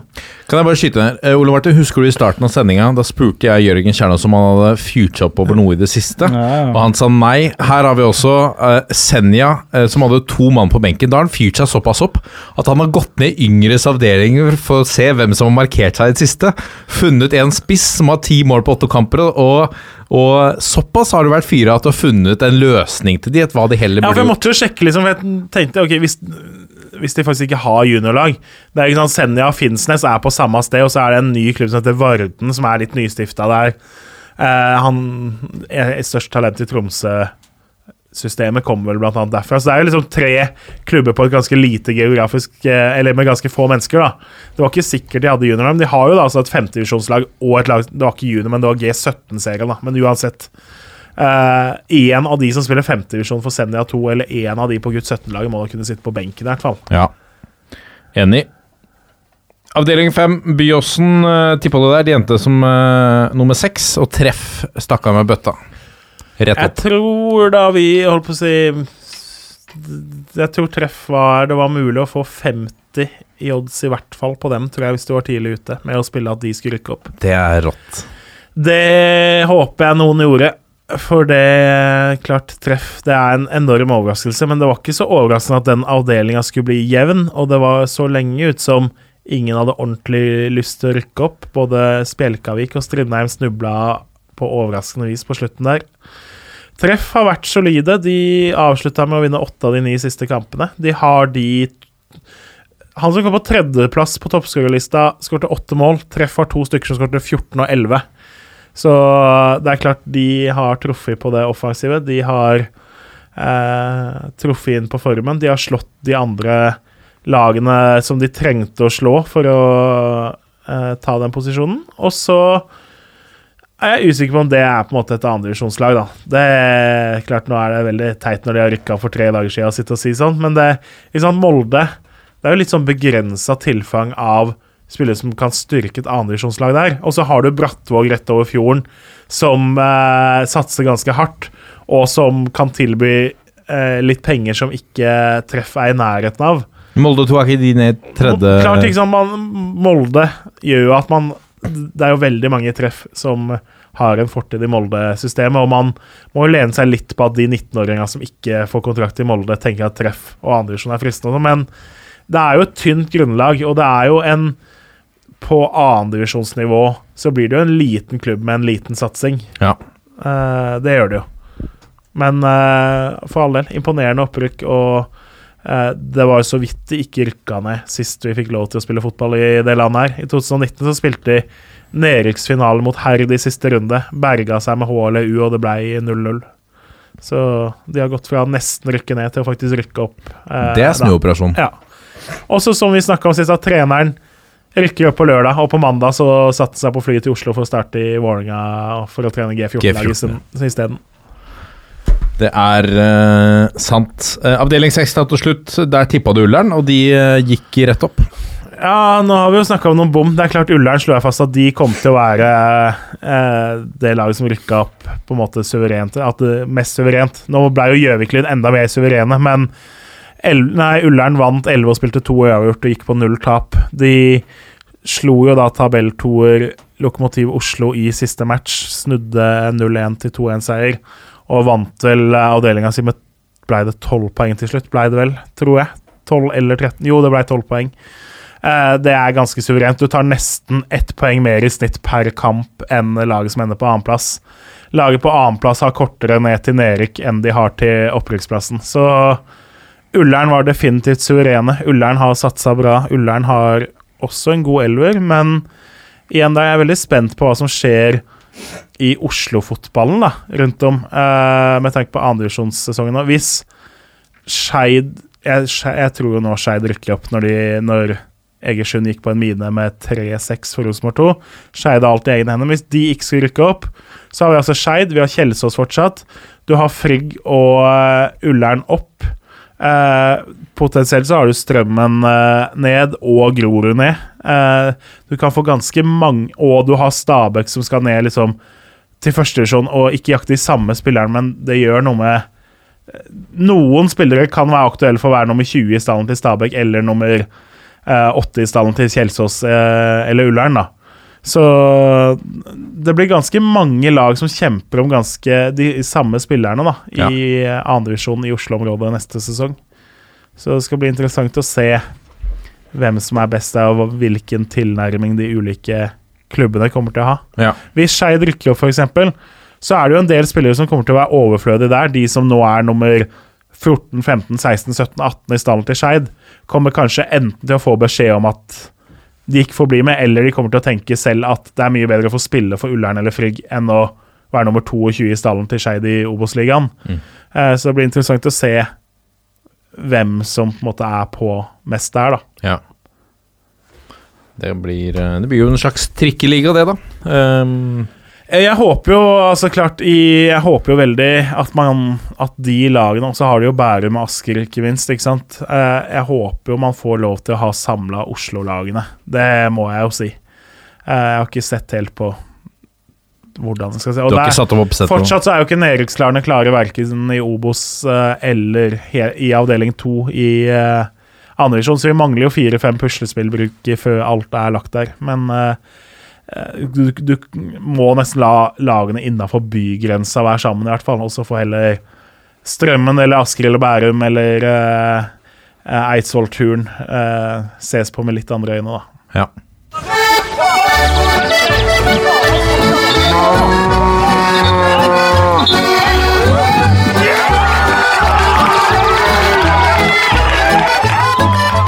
Og da er det klart for Breddenytt ved spaltens president Jørgen Kjernås. Vi holder oss litt i tredje divisjon ennå, da, for vi må jo snakke litt om Flint. Eh, det er klart, Nå er det jo klart at Jon Arne Riise ikke fortsetter er etter nedrykket til fjerde divisjon. Men vi må jo snakke litt om den her protesten nå, da. Må vi ikke det? Ja, det var en såkalt eh, sånn styreromsprotest, var det ikke det? Sånn uh, Ja, for det som skjedde, skjedde Mange har vel fått det med seg, men altså Flint tapte for Oppsal. Alle andre resultater gikk imot dem. Flint rykka ned. Så har Flint oppdaga at uh, lagoppstillinga Oppsal kom ut med 75 minutter før kamp, som er når du skal ha det innlevert, den endra de på én uh, eller gang før kampstart. Gjorde ett bytte, altså 10 av 11 sto, men én som sto oppført på benken, bytta plass med en som sto oppført i elveren. Han som sto oppført i elveren, er det jo da en del som mener at ifølge reglene han er, skal da tas ut av kamptropp, og du har brukt et bytte. Men han ble sittende på benken. Han kom innpå, og Oppsal brukte alle sine fem bytter. Det er jo faktaene. Og så er jo da spørsmålet én er det en overtredelse. Det er nok sannsynlig. Eh, det blir nok en konsekvens for Oppsal når det først er protestert på. Og så er jo da det store og ordentlig viktige spørsmålet Er det en overtredelse som gjør at kampen skal settes til 3-0, eller er det en kamp som gjør at Oppsal får en liten bot uh, isteden? Uh, og det vil jo ha veldig stor betydning, da. Ja. Det, det, ja, altså I utgangspunktet så høres det ut som, og det var jo, det var jo oppfatningen også til Oppsal, er at dette har ikke hatt noe å si for kampen. Fordi byttet skjedde jo før kampen ble satt i gang. Men hvis du snur litt på det, da. Uh, Ole Martin, du skal møte et, uh, et lag i siste, siste serierunde. Uh, ja, hvem skulle det vært, da? De har i hvert fall Cristiano Ronaldo, da. Og på lagoppstillinga så ser du at nei, Cristiano Ronaldo starter på benken. 75 minutter for slutt, så da legger du om taktikken din til å tenke annerledes. og så viser det seg at han spiller likevel så er jo det et ekstremtilfelle. Men det er jo sikkert for å forhindre sånne ting som det, at man ikke man kan drive mind games helt fram til start. Så dette kunne jo hatt dette, dette, har jo mest sannsynlig ikke hatt en stor påvirkning, men det kunne jo hatt det. Det er klart, hvis de har liksom uh, satt den beste spilleren deres på benken, så kan det hende man gjør justeringer i henhold til det. Ja, kanskje.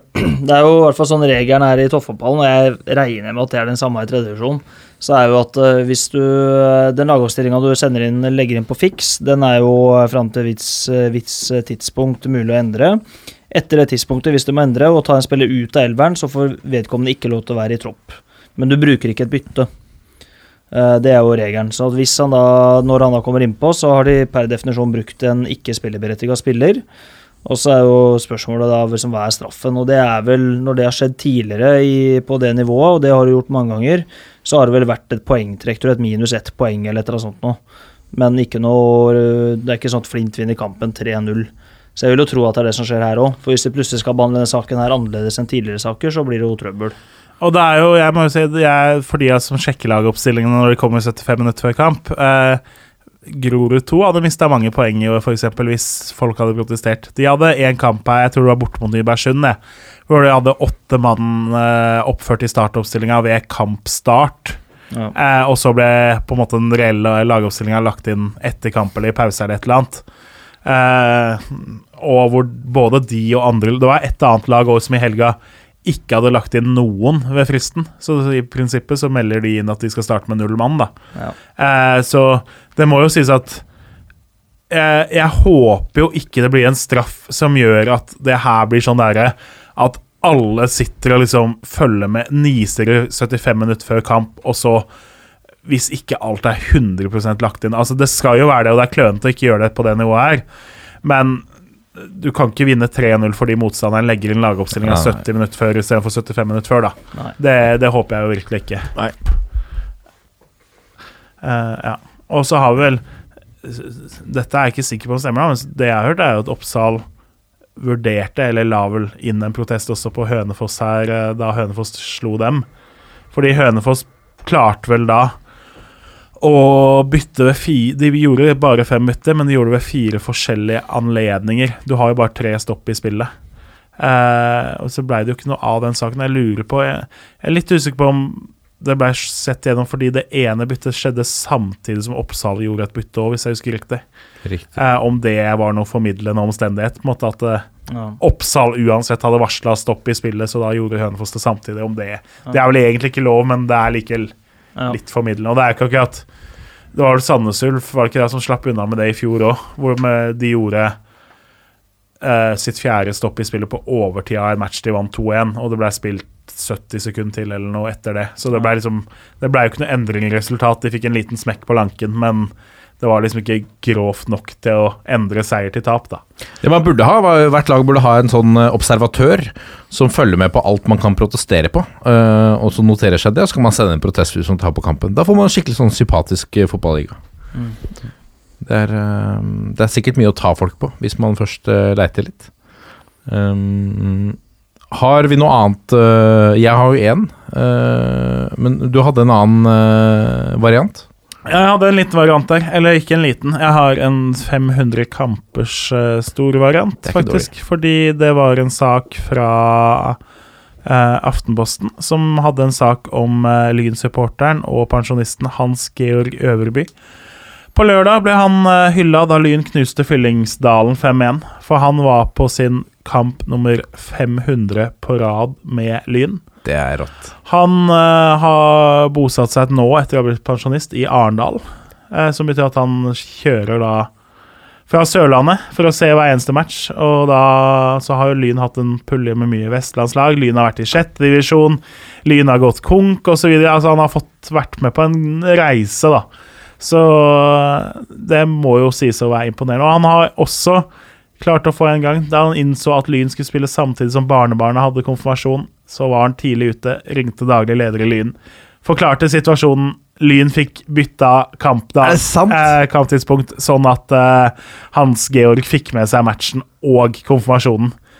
Eh, det høres ut som han har den rekka at det var vel flaks for familiestemninga og konfirmanten, tolker jo jeg det som, uten å vite hva han hadde valgt. Men eh, det er jo ganske dedikasjon. Det var jo samme med han her eh, Mosse-supporteren, han Hjelmen. Eh, da var det vel om det var et bryllup eller en konfirmasjon Hjelmen, eller hva det ja. var han skulle i, han om. bryllupet til broren. ja, men da var det, var det Byåsen borte, som var litt kritisk å få endra på da, sånn at han fikk med seg den.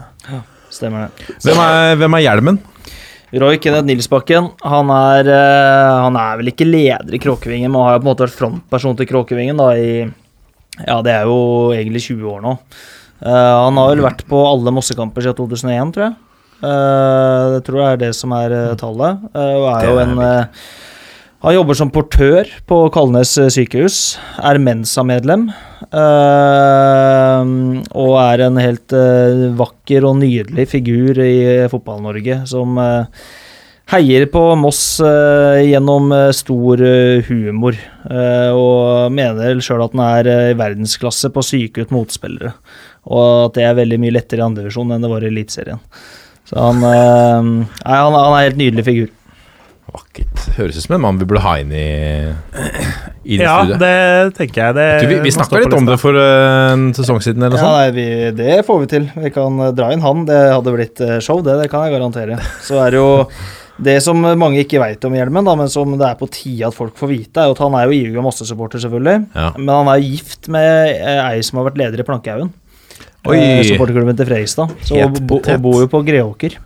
Uh, men uh, det går visst bra i, i hjemmet, da. Men uh, han er vel ikke sånn kjempestolt av det, tror jeg. Nei. Så elskverdig av deg å avsløre det i, i denne podkasten, da. Ja, det er, nå har jo Kråkevingen starta egen podkast, og det snakkes jo om der, så jeg tenker Ja. at så farlig er Ja, det det er det offentlig. Ja. Det det. Det hørtes jo ut som litt sånn hvis Breddefotball Norge skulle laget sin Game of Thrones Altså, du har, du har Plankehaugen av Lederen har gifta seg med Moss sin mest prominente supporter. Det kunne jo vært på en måte noe Romeo og Julie eller Game of Thrones eller noe sånt. Det hørtes litt kjent ut, det. Drama. Drama. Jeg, har, eh, jeg tar jo i bruk i åpenbart sett mine familiearbeid. Nå har jeg fått eh, tips fra min bror. eh, ingen ringere enn Kjetil Ropstad, tidligere keeper i Ørn Horten Holmestrand, Trønderlyn og Ørn Kristiania. Uansett, vi skal til et eventyr fra Sør-Aurdal kommune, nærmere bestemt Hedalen. Her finner vi dalførets stolthet, Hedalen Begnadalen idrettslag, som forsvarer bygdas ære i 6. divisjon avdeling 2, Indre Østland. Her møter de lag som Slidre Røn og samarbeidsklubben Øystre Slidre Rogne Valdres 2 Fagernes. Etter sju kamper i år var kvalik til femtedivisjon sikra. Med seg på laget har de en av Norges mest rutinerte aktive fotballspillere, Sven Olav Fossholt. Han debuterte på Hedarens A-lag som 15-åring i 1976. Han var der med på det legendariske Hedalen-laget som slo Raufoss og Lillehammer i Indre Østlands fotballkretsmesterskap i 1986. I 2002 vurderte han å legge opp, men ble overtalt å ta en sesong til. Nå, 19 år seinere, er han fortsatt med på laget, og i helga var han klar for opprykkskvalik som 60-åring. Og hvordan tror dere det gikk? Tapte 0-7. Det gikk til helvete, de tapte 0-11. Å, det var, det var et godt tips, vil jeg faktisk si. De tapte 0-11 hjemme mot Vind, så, så det var jo et eventyr. Det er jo et eventyr, selvfølgelig, men uh, det ser dårlig ut for uh, femtedivisjonskarriere for Sven Olav her, altså. Um, Det er vakkert. det er vakkert. Ja, det er nydelig. Det må jo være Altså, er det verdensrekord? 60 du- år og vet du hva, 50 år siden. han, Jeg tror jeg hadde han som noe skjermbilde, fordi Det var en fyr Nå finner jeg jo ikke igjen saken, men en oppe på Sunnmøre òg, som det var sak på nå for litt siden, som jeg tror faktisk var enda eldre, og faktisk eh, spilte i seriesystemet her nå. Men eh, jeg er usikker på om jeg klarer å finne tilbake den saken sånn i snakkende stund. Men jeg skal se, skal jeg se hva jeg graver fram nå i løpet av sendinga. Vakkert. Dette er toppfotball. Da er det dukket for lytterspørsmål, og vi begynner med et spørsmål fra Eirik Felle, som sier Åsmund Bjørkan til start. Hvorfor skulle han gidde dette? Jørgen Kjernås. Nei, det er, nå er jo sønnen hans sannsynligvis ferdig i Glimt. Eh, han har snart vært med på å vinne to seriegull. Han har vært med på å se laget gå fra Obos-liga til å herje med Roma i Europa. Kanskje Åsmund Bjørkan føler at han har oppnådd litt det han ville oppnå i Bodø-Glimt. Kanskje han føler at eh, nå er timinga riktig for nye eventyr, både sånn profesjonelt og personlig. Eh, men det er klart, det, det ligger jo garantert for, Eller det ligger jo forklaringer bak det, men samtidig så er det jo vanskelig å skjønne at du vil gå fra å være sportssjef i landets suverent beste klubb til en klubb som ligger midt på Obos-ligatabellen. Så det skulle det skje. eh, Det er jo reelt at det kan skje. Skulle det skje, så vil det være en særdeles oppsiktsvekkende overgang. En av, de, en av de mer overraskende overgangene på ganske lang tid, vil jeg si. Ja.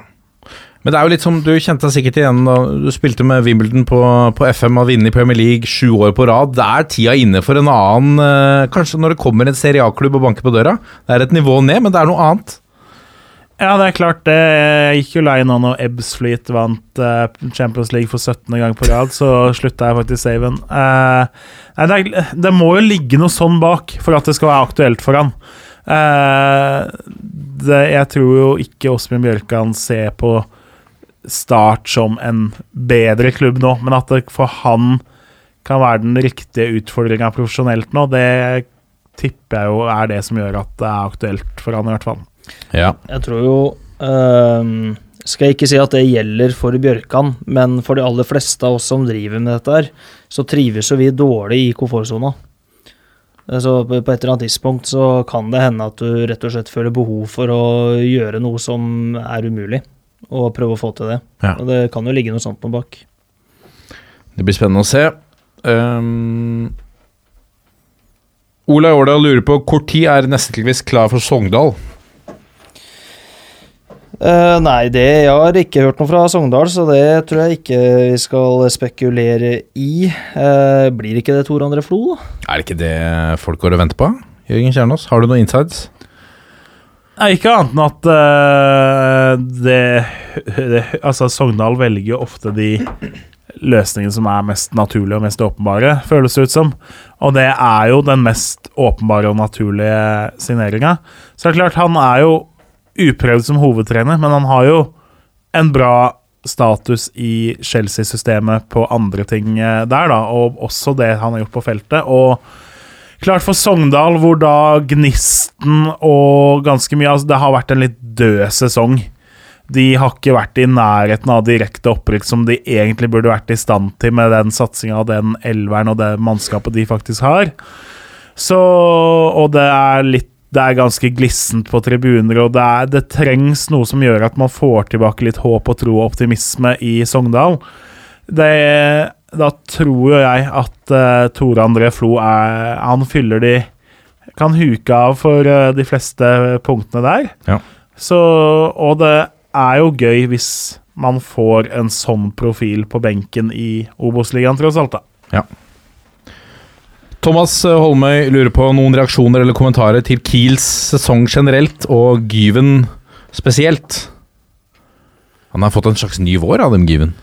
Ja, eh, Kongsvinger så jo helt forferdelig ut i fjor. Og blei litt sånn derre De fant jo ikke helt ut av det, og bytta spillere og bytta trenere og bytta roller og bytta formasjoner og Ikke sant. Du fant aldri den løsninga, og så i år så har de jo vært helt suverene. Og det er som du sier, altså Gyven, hva er det han har? Er det 20 mål han har nå? Han eh, spiller som om han var 25 igjen, og Kongsvinger har mange unge som har fått mye tillit, og de har en midtbane hvor de kan egentlig bytte både to og tre mann uten å svekke laget. De har eh, Gode spillere som kan spille en offensiv, gode som kan spille en dype. De har rett og slett hatt en kjempesesong. Så trodde jo flere av seg at de skulle være gode i Obos i fjor. Det var de ikke, så det blir veldig veldig spennende å se hva de gjør i vinter, og hvordan de ser ut når neste års Obos-liga starter. Ja. Vegard Nummerstad lurer på hva syns panelet om argumentasjonen til Fotballforbundet angående innføringen av VAR. Det har vi jo snakket litt om at vi må henge med. Kanskje vi skal uh, vi, vi, snakket vel en del om det i forrige episode. Kanskje vi skal gå videre. Men han stiller også spørsmålet kommer Ole Martin til å sende julekort til Steffen Landro i desember. Sender jeg generelt et lite julekort, men hvis jeg skal gjøre det, så skal Steffen få det. Jeg har ikke noe Jeg har et godt forhold til Steffen. Har uh, bare gode ord, gode ord å si om han. Ja, det er koselig. Uh, Eirik uh, Sande lurer på hvor deilig var innsatsen til Hønefoss mot Eik. Uh, det syns vi var flott, Jørgen. Ja, du syns jo det var ekstra flott. For meg som har litt sånn Har havna i den der litt resignerte, litt motløse rollen som avstandssupporter, så gjorde det jo at man ser litt mer fram mot eh, neste sesong med Hønefossøyene enn ja. hvis man hadde tapt 0-3 også der og avslutta sesongen på begredelig vis. Det gjør noe med håpet foran en halvt års eh, lang oppkjøring. Ja. Mats, uh, Kitzby Mats um, på Twitter lurer på hvordan tror herrene lineupen ser ut på Lerkendal neste år? Hvem blir trener, hvem blir solgt, hvem kommer inn? Forventer store omveltninger. Uh, Ole Martin, vi har jo begynt å se et slags sånn I starten av sesongen så snakket vi om alle de gamle gutta som kom inn døren der med Tetti, Skjelbred og, og, Henriksen. Og så gjorde de jo andre ting, da, helt andre takter i neste vindu, hvor det kom litt mer unge gutter inn. Er det et generasjonsskifte på vei på Lerkendal, tror du? Ja, det er det nok uh, litt. Uh, jeg har ikke svaret på det, men litt interessante spørsmål der er jo hvem som egentlig sitter og dikterer de overgangene. Uh, er det Åge Hareide som skal slutte? Er det Mikke Dorsin alene, eller er det sånn at det allerede er gått på gang med en ny trener som sitter og ber om disse spillerne? Uh, jeg tror det siste. Og så uh, Så Sven-Gøran Eriksson sitter nå og sender ut meldinger om hvem de skal kjøpe? Jeg vet ikke om det er eh, han, men eh, det er jo ehm, Jeg tror de er nærmere en hovedtrener enn det man gir uttrykk for. Og så er det jo fotball, altså mye ting kan jo forandre seg fort. Men uh, at det er et generasjonsskifte her, og som jeg tror er veldig riktig og nødvendig òg, tror jeg jo um, Eller det er jo det er jo det på gangen der, utvilsomt. Ja. Det er jo som vi har snakka om, da, at hvis det ikke er Kjetil Knutsen, hvem skal det være fra Norge, da? Det er vanskelig å se hvilke kandidater vi har uh, her til lands, syns jeg, hvis det ikke blir han. Eh, både fordi timinga er feil, og fordi all, Det er ikke så mange som på en måte vil være attraktive. Altså, er Christian Mikkelsen riktig mann for den jobben? Når du det Føles ikke det litt ut som Horneland versjon 2? En som har suksess med en tross alt mye mindre klubb, men uh, som ikke nødvendigvis kan overføre det til en storklubb i norsk målestokk, sånn som Rosenborg er. Eh, jeg, jeg, tror ikke Rosenborg går den veien etter det som skjedde med Horneland. Det ville overraska meg veldig hvis en sånn løsning var det de så etter nå. Og da begynner på en måte kandidatene her til lands å egentlig hete Kjetil Knutsen. Så Sånn jeg ser det, hvis det ikke blir han, og det Ja, for det, Du kan jo ramse opp der. Det blir jo ikke Dag Eile Fagermo. Det blir jo ikke Erling Moe. Uh, og da er det jo på en måte Kjetil Knutsen. Du har ikke så veldig mange andre der kanskje å ta av. Ja, altså det, ikke sant? det blir jo ikke Kjetil Rekdal. Det blir jo ikke uh, Jan Frode Nordnes. Ikke sant? Det, det, blir jo ikke Lars Bohin som går fra ikke fortsette i Sarpsborg. Det blir jo ikke Jon Arne Riise. Ikke sant? Det, det, blir jo ikke Solskjær. Uh, det blir ikke Drillo. Det blir liksom ja, altså, det, det, stopper seg rett og slett der. Altså, utenom Kjetil Knutsen, så er den som kunne vært aktuell for Rosenborg med norsk pass, det er Ståle Solbakken, og det er ganske så uaktuelt for øyeblikket, det òg. Ja. Så, så jeg er Jeg tror jo nå Jeg er mye mer sikker på at det blir Kjetil Knutsen, så jeg tror jeg da at Rosenborg med litt den, med tanke på hvem som er sportssjef, med tanke på den fikseringa de har hatt litt mot Sverige, med tanke på at det også er eh, fornuftig fordi det er ganske mye likt mellom Norge og Sverige, både fotballmessig og kulturelt og sånn. Eh, uten å kjenne allsvenskene, uten å kjenne kandidatene som kan være der godt nok, så vil det vel ikke sjokkere noen hvis det er en med svensk pass som har gjort det OK i allsvenskan, som dukker opp i stedet, da. Nei. Spennende. Jeg håper ikke det blir Kjetil Knutsen. ass. Det hadde vært eh, Ja, og Da må han jo ifølge Nidaros sin kommentator Otto Ulseth ha hjelp av eh, Svein Målen, selvfølgelig. For han har ikke peil, dette har han ikke peiling på. Svein Målen Svein. Målen, ja, det var eh, Nå har vi sagd noen lokalaviser tidligere i sendinga. Det er klart, det var ikke den jeg føler, Vi føler oss vel ganske sikre på at uh, Morten Kalvenes får lov til å være med hvis det skal være aktuelt for Kjetil Knutsen. Det jeg, jeg tror ikke Kjetil Knutsen trenger Sven Målen for å forstå Rosenborg. Sånn som Otto Ulseth mente at det var, liksom, det var det kritiske for om det skulle lykkes eller ikke. Da, det er nok inne på litt feil eh, tankespor der. Ja. Perry, da. Perry blir jo ledig kanskje etter Østersund, når de rykker ned nå. Det kan jo være en mulighet. Hva vet vi? Uh, vi Hva, men, hva med han er, han er Kasper? Jeg husker ikke hva han heter. Han som parodierer både Han blir nok da, riktig. da har du jo mange. Da har du jo både Rekdal og Perry og Morten Langli og flere. Så kanskje det kan være en sånn hybridvariant. Ekspertise. Han bor i Trondheim òg, så da løser du mye. Det passer. Det passer. Uh, Jan Erik Syverud lurer på hva gikk gjennom hodet til Nesselquist da Ullkisa ikke spilte ballen tilbake på overtid. Ja, jeg, ja, hva gikk gjennom huet mitt da? Jeg blei overraska. Men uh, det blei jo heldigvis ikke scoring på det. Så Fordi hva var Fortell situasjonen. Forklar situasjonen. det er litt uh, sånn eh, knuffing og sånn inne i feltet som ender med at kapteinen vår uh, går i bakken. Og så er det keeperen vår som har ballen. Keeperen vår kaster ballen ut for at kapteinen vår skal få tilsyn. Og så eh, når da spillet blir satt i gang igjen, så, så er det jo liksom normal prosedyre i Fairplay-on at uh, de velger å gi ballen tilbake til oss. I det tilfellet her så valgte Kisa å angripe, da. Um, og så er det Ja, de mener jo at, eh, at eh, det er bare tull å kaste ballen ut av banen, at stopperen vår ikke er uh, skada, og så blir det mye greier. Men det, det endte jo greit. Vi, det, Kisa Det endte med femmeter til oss, og vi var tilbake der vi starta, så det ble ikke noe big deal. Men hadde de scora der, så hadde det sikkert blitt litt eh, rabalder eh, på det òg. Ja. Hvordan Nei, skal vi se. Lars Aksnes med spørsmålet blir Post Nord avdeling 2 avgjort av at andre lag stiller ulikt fra gang til gang? Jørgen Kjernås.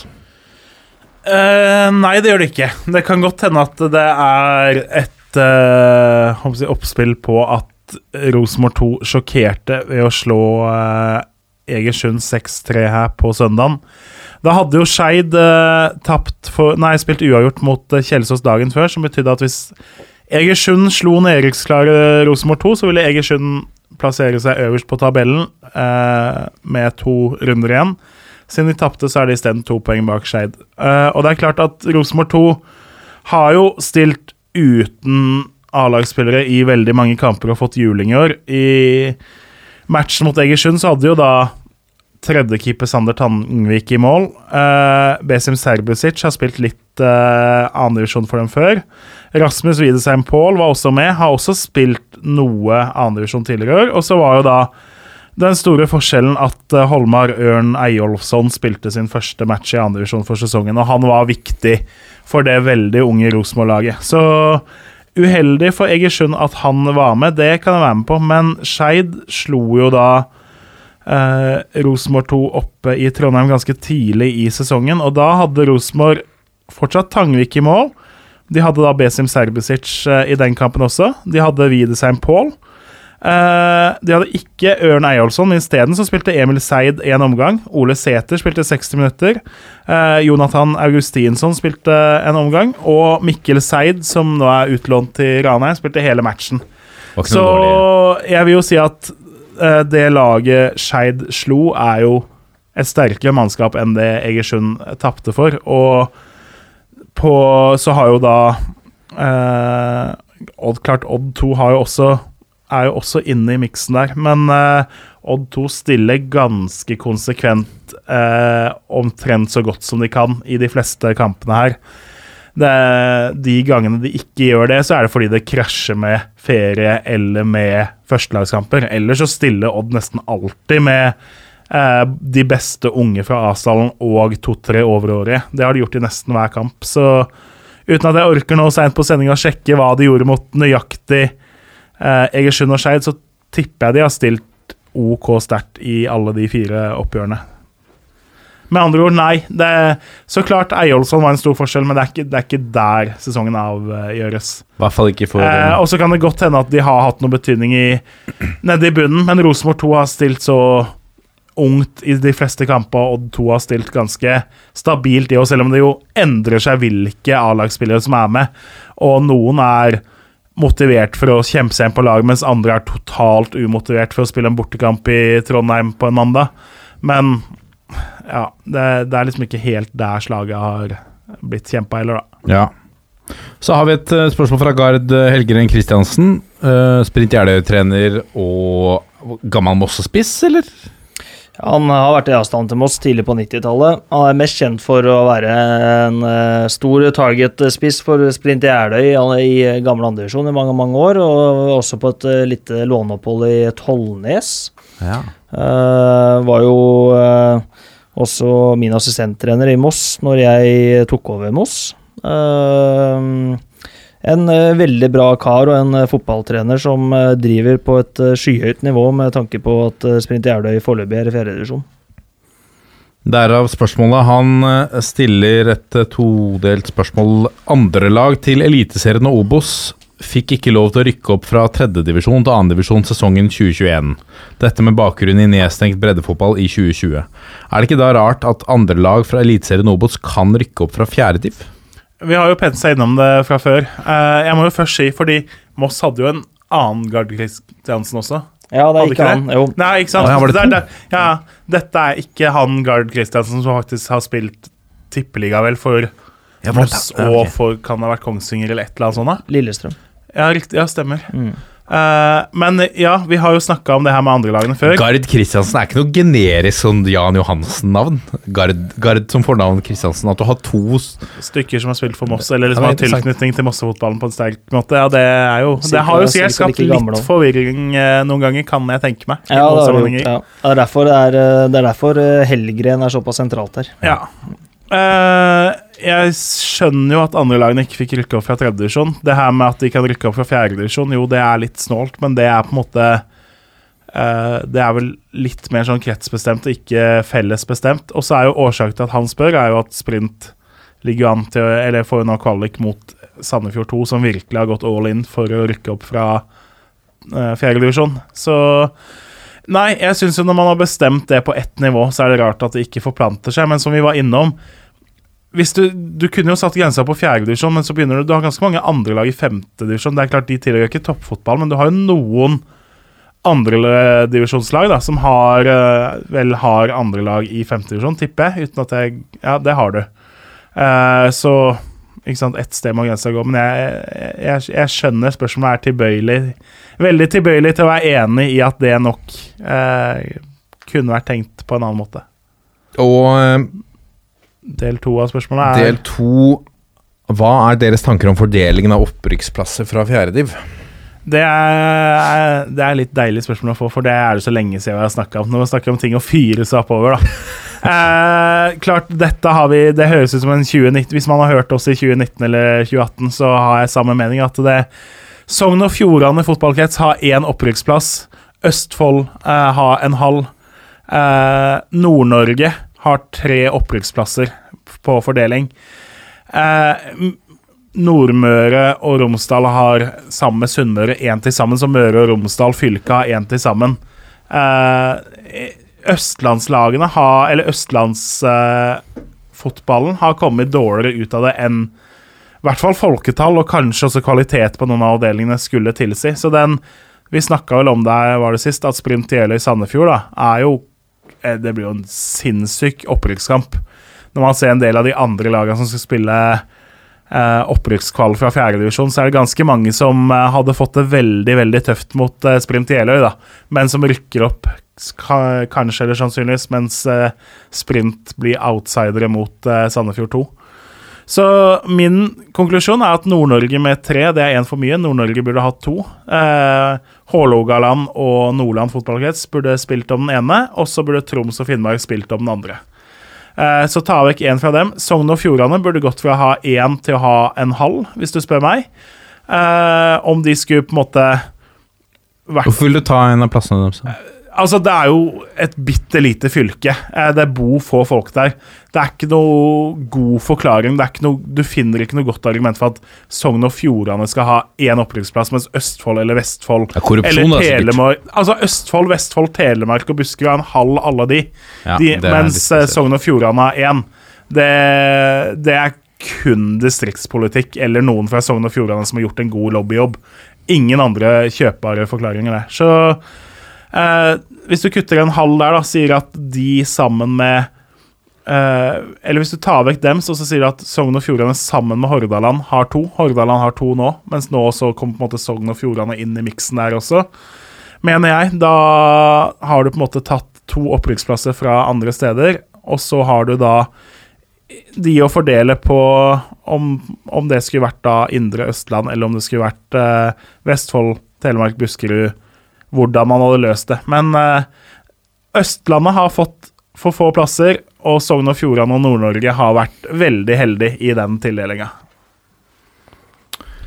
Ja. Få se da om uh, Norges Fotballforbund uh, hører på deg. Det er Ja, kanskje kretsene som må bestemme Det her er jo en sånn typisk forbundstingesak, og så er det jo noe som er, man er veldig engasjert i hvis man står oppi det og det er et problem for deg. Eh, for Sprint Jeløy og for Råde så betyr det veldig mye. For Hva er det som skjer i Råde om dagen? Det satses eh, beinhardt ja, de tapte jo den tapte jo 0-3 mot Sprint, og da Men er det masse penger i omløp og sånn, eller hva er det som er eh, Det er jo noen spillere i Råde som kunne ha gjort en jobb både én og to divisjoner opp. Det er det jo definitivt. Ole Martin, har du insides? Nei, Jeg skal ikke si noe om det. Vi går videre. Sprint Jeløy vant den kampen veldig fortjent. Ja. Jeg var der. Uh, Sprint Jeløy var, eh, var eh, bra. Sprint Jeløy fortjener jo å rykke opp. De har vært kjempegode i alle kamper i år. Og jeg skjønner jo, hvis, hvis det nå skulle gå gærent da med timing og sånn, og Sandefjord kommer med bra lag der, og så spiller du egentlig en helt perfekt sesong, men så ryker du en kvalik mot Sandefjord, det er jo det er helt håpløst. Ja. Vi tar ett spørsmål til. Eh, onkel Henrik på Twitter lurer på hvem i første og andre divisjon kan være interessant for eliteserieklubber, som f.eks. min klubb Tromsø. I første divisjon har du veldig mange, men så er det jo de mest interessante er jo eh, veldig omsvermet. Sånn som Ismael i FFK. Han går jo ikke til Tromsø nå. Det skjer jo ikke på noe nivå. Eh, ellers så er det jo Altså, første divisjon du, du sitter jo med noen navn der som blir interessant å se hvor det skal gå. Både eh, Raufoss har mange unge som har vist seg fram på en god måte denne sesongen. Og de har jo også NDI som har vært mye skada nå, men som eh, burde være og kunne vært aktuell for noen. Eh, du finner jo spillere i Sandnes Ulf, som Baidu f.eks., som bør kunne være aktuell for noen. Du har eh, eh, Hvis Jerv skulle miste opprykket, så vil både Campos og Furtado være høyaktuelle for mange på eliteserienivå. Sogndal har Daniel Eid, som jeg blir veldig overraska hvis ikke noen eliteserieklubber gjør et seriøst forsøk på å hente, f.eks. Mm. Uh, Akor Adams på topp der. Uh, Stabæk har vært litt interessert før. Jeg har vært litt mye skader og liksom ikke fått helt den her sammenhengende spilletida over mange sesonger og lang tid, men et råmaterial som er enormt. Så det er definitivt mange det. Andredivisjon, der holder jeg på å skrive min årlige sånn sak med spillere som eh, ser spennende ut i andredivisjon. Det, jeg syns det er faktisk Det har kommet opp ganske mange gode unge spillere som har kommet litt fra ingensteds i andredivisjon. To spillere som jeg håper alle klubbene i Obos og Eliteserien har på blokka og har sett på. Hvis ikke så gjør de ikke leksa si. Ene er uh, Ab Nå skjedde noe med lyden. Skulle det? Ja, det skjedde, Ja. men det går bra. Abel Stensrud i Skeid. Uh, innbytter og skårte tre mål tidlig i sesongen. Så ble stjernespiss Jonny Budusson skada. Stensrud kom inn, så Stemmer, i, i september og oktober nå så har han vel skåra Er det 12 eller er det 13 mål? Han er enorm på å skaffe seg rom inne i boksen og forstå hvor innlegget havner, og komme seg litt unna spissen og Nei, unna stopperen og få satt ballen i mål. Har liksom Det er ikke alle avslutninger som er like elegante, men ikke sant Harald Brattbakk hadde jo ikke bare elegante skåringer, han heller. Det handla om å komme der ballen er, og så får du den inn, om det er med ankeren eller med innsida eller med tuppen. Det er Ballen skal i mål. Så skikkelig målskårer. Og så har du også i Asker så har du venstrekanten Obelor eh, Okeke. Eh, sønnen av tidligere norgesmester på 100 meter, så han har jo noen ferdigheter der som eh, kommer fra naturens side. Som med en ekstrem hurtighet. Så går han fra å være juniorspiller i Skeid, har vært i Vålerenga-systemet før, har vært i Stabæk-systemet før som unggutt. Liksom ikke fått sjansen, ikke, ikke liksom blitt ordentlig satsa på noe sted. Og så kommer han til Asker, og som venstrekant bare har tatt fyr. Eh, har jo defensive mangler og liksom mangler jo ting som må utvikles i skuddteknikk og litt sånn det relasjonelle. Men som råmaterial, da, så kom jeg, altså For meg så var han helt ukjent før årets sesong, og så bare står han fram som en ordentlig, ordentlig spennende spiller. Så det mener jeg hvis, hvis de klubba i Obos og Eliteserien som ikke har notert seg de, og har noen som har brukt noen timer Jeg ser Ole Martin sitter ja. og noterer her nå. Det, det er to spillere jeg regner med uh, at mange er, vil være interessert i, og som blir veldig spennende å se om noen henter. da. Ja. Så må jo timinga være riktig på sånn Altså, de er såpass unge og uferdige. Det er vel 2002-modeller begge to, hvis jeg ikke husker feil i farta. Eh, kan jo gå tilbake til i fjor, hvor Uranik Seferi så like spennende ut for Kvikk Halden. Gikk jo da til Lillestrøm. Ikke vært i nærheten av noe A-lagsfotball der. Eller spilt bitte litt cup og liksom vært på benk og sånn. Utlånt til Skeid, hvor han heller ikke har kommet inn i elveren. Altså, på en måte var stjerne for Kvikk Halden i, i fjor, og så har han egentlig spilt veldig lite eh, den sesongen her. Så for de her gutta som kommer opp eh, nå og er litt i samme gate, så gjelder det å treffe på riktig klubbvalg med tanke på å få spilletid og utvikling videre. At det ikke blir et andrelag i tredjedivisjon neste år eh, for dem, det er, er jo viktig for utviklinga. Ja. Jørgen Kjernås, mine damer og herrer. Og Det er eh, jo- bra oversikt å ha, Jørgen. Så har vi jo en holdt på å si omskolert spiss i strømmen, som jeg regner med at hvis det skulle bli en Erik, så Sander Birkeland har jo gjort seg bemerka. Om, om ikke eliteserienivå, så blir jeg jo overraska hvis strømmen rykker ned og beholder han. Det må jeg jo si fra utsida. Sander er kul historie, altså. Han øh, Hvis du går øh, ja, hva er det for halvannet år kanskje tilbake i tid, eller sånt, nå, så var det en spiller som ble vurdert øh, ikke god nok for Elverum. Uh, så det er jo Han har stått i det. Han er jo Ja, han er 26 år nå. Og er jo en spiller som aldri har gitt opp. Trent og trent, god forståelse. Eh, raskt å sette seg inn i roller, og så har han jo en naturlig evne til å skåre mål, da. Så det er kult med Sander. Jeg er jo enig, jeg tror øh, Han putta to nå i helga, ja, skåra begge mot Kisa i går. Um, skåra mot Start på fredag. Så han eh, Nei, jeg er enig. Jeg tror eh, ikke Sander spiller lavere enn Obos-ligaen neste år, nei. nei. den mannen her, eh, oversikt, innsikt eh, over litt spillere og sånn, har noen gang plukka opp og, og spurt eh, Jørgen om en spiller eller to? Jeg har vel vært eh, på eh, noen Messenger-meldinger innimellom, ja. Jeg må innrømme det. Får du mye henvendelser, Jørgen, fra eh, trenere eller Nei, litt er det. Klubbpersonell. Altså, ja, litt er det. Eh, ja, det er det. Men jeg, jeg prøver jo stort sett å svare de Altså, man legger jo ikke ut alt man tenker om alle, på en Nei, måte. Nei. Men uh, folk som er hyggelige og spør på en ordentlig måte, pleier man jo å ta seg tid til i hvert fall svare på en ordentlig måte, da. Ja. Ja. For en eh, hva skal vi si, for en buffé av en eh, sending. I dag har vært innom ganske mye. Eh, nå tror jeg det er på tide å, å runde av, komme seg hjem. Eh, Ole Martin, masse lykke til. Du skal til Raufoss med gjengen din eh, i krigen der oppe. Ja, takk for det. Det blir, det blir krig, det. Det Ja. kan jeg love dere. Jævla dumt å gå i krig mot et lag som har en ammunisjonsfabrikk som sponsor, da. Men ja. Ja, det kan du jo, kan du si. Men vi får, eh, ja, vi får, være smartere enn det, da. Ja, vi lar det være siste ord. Eh, så er vi fortsatt toppfotball på Twitter, Instagram, Facebook, de tinga der. Send en mail til toppfotballat451.no om du har noe eh, innspill. Og så runder vi av på 1, 2, 3. Vi er, vi er en gjeng. Ha, ha det. Moderne media.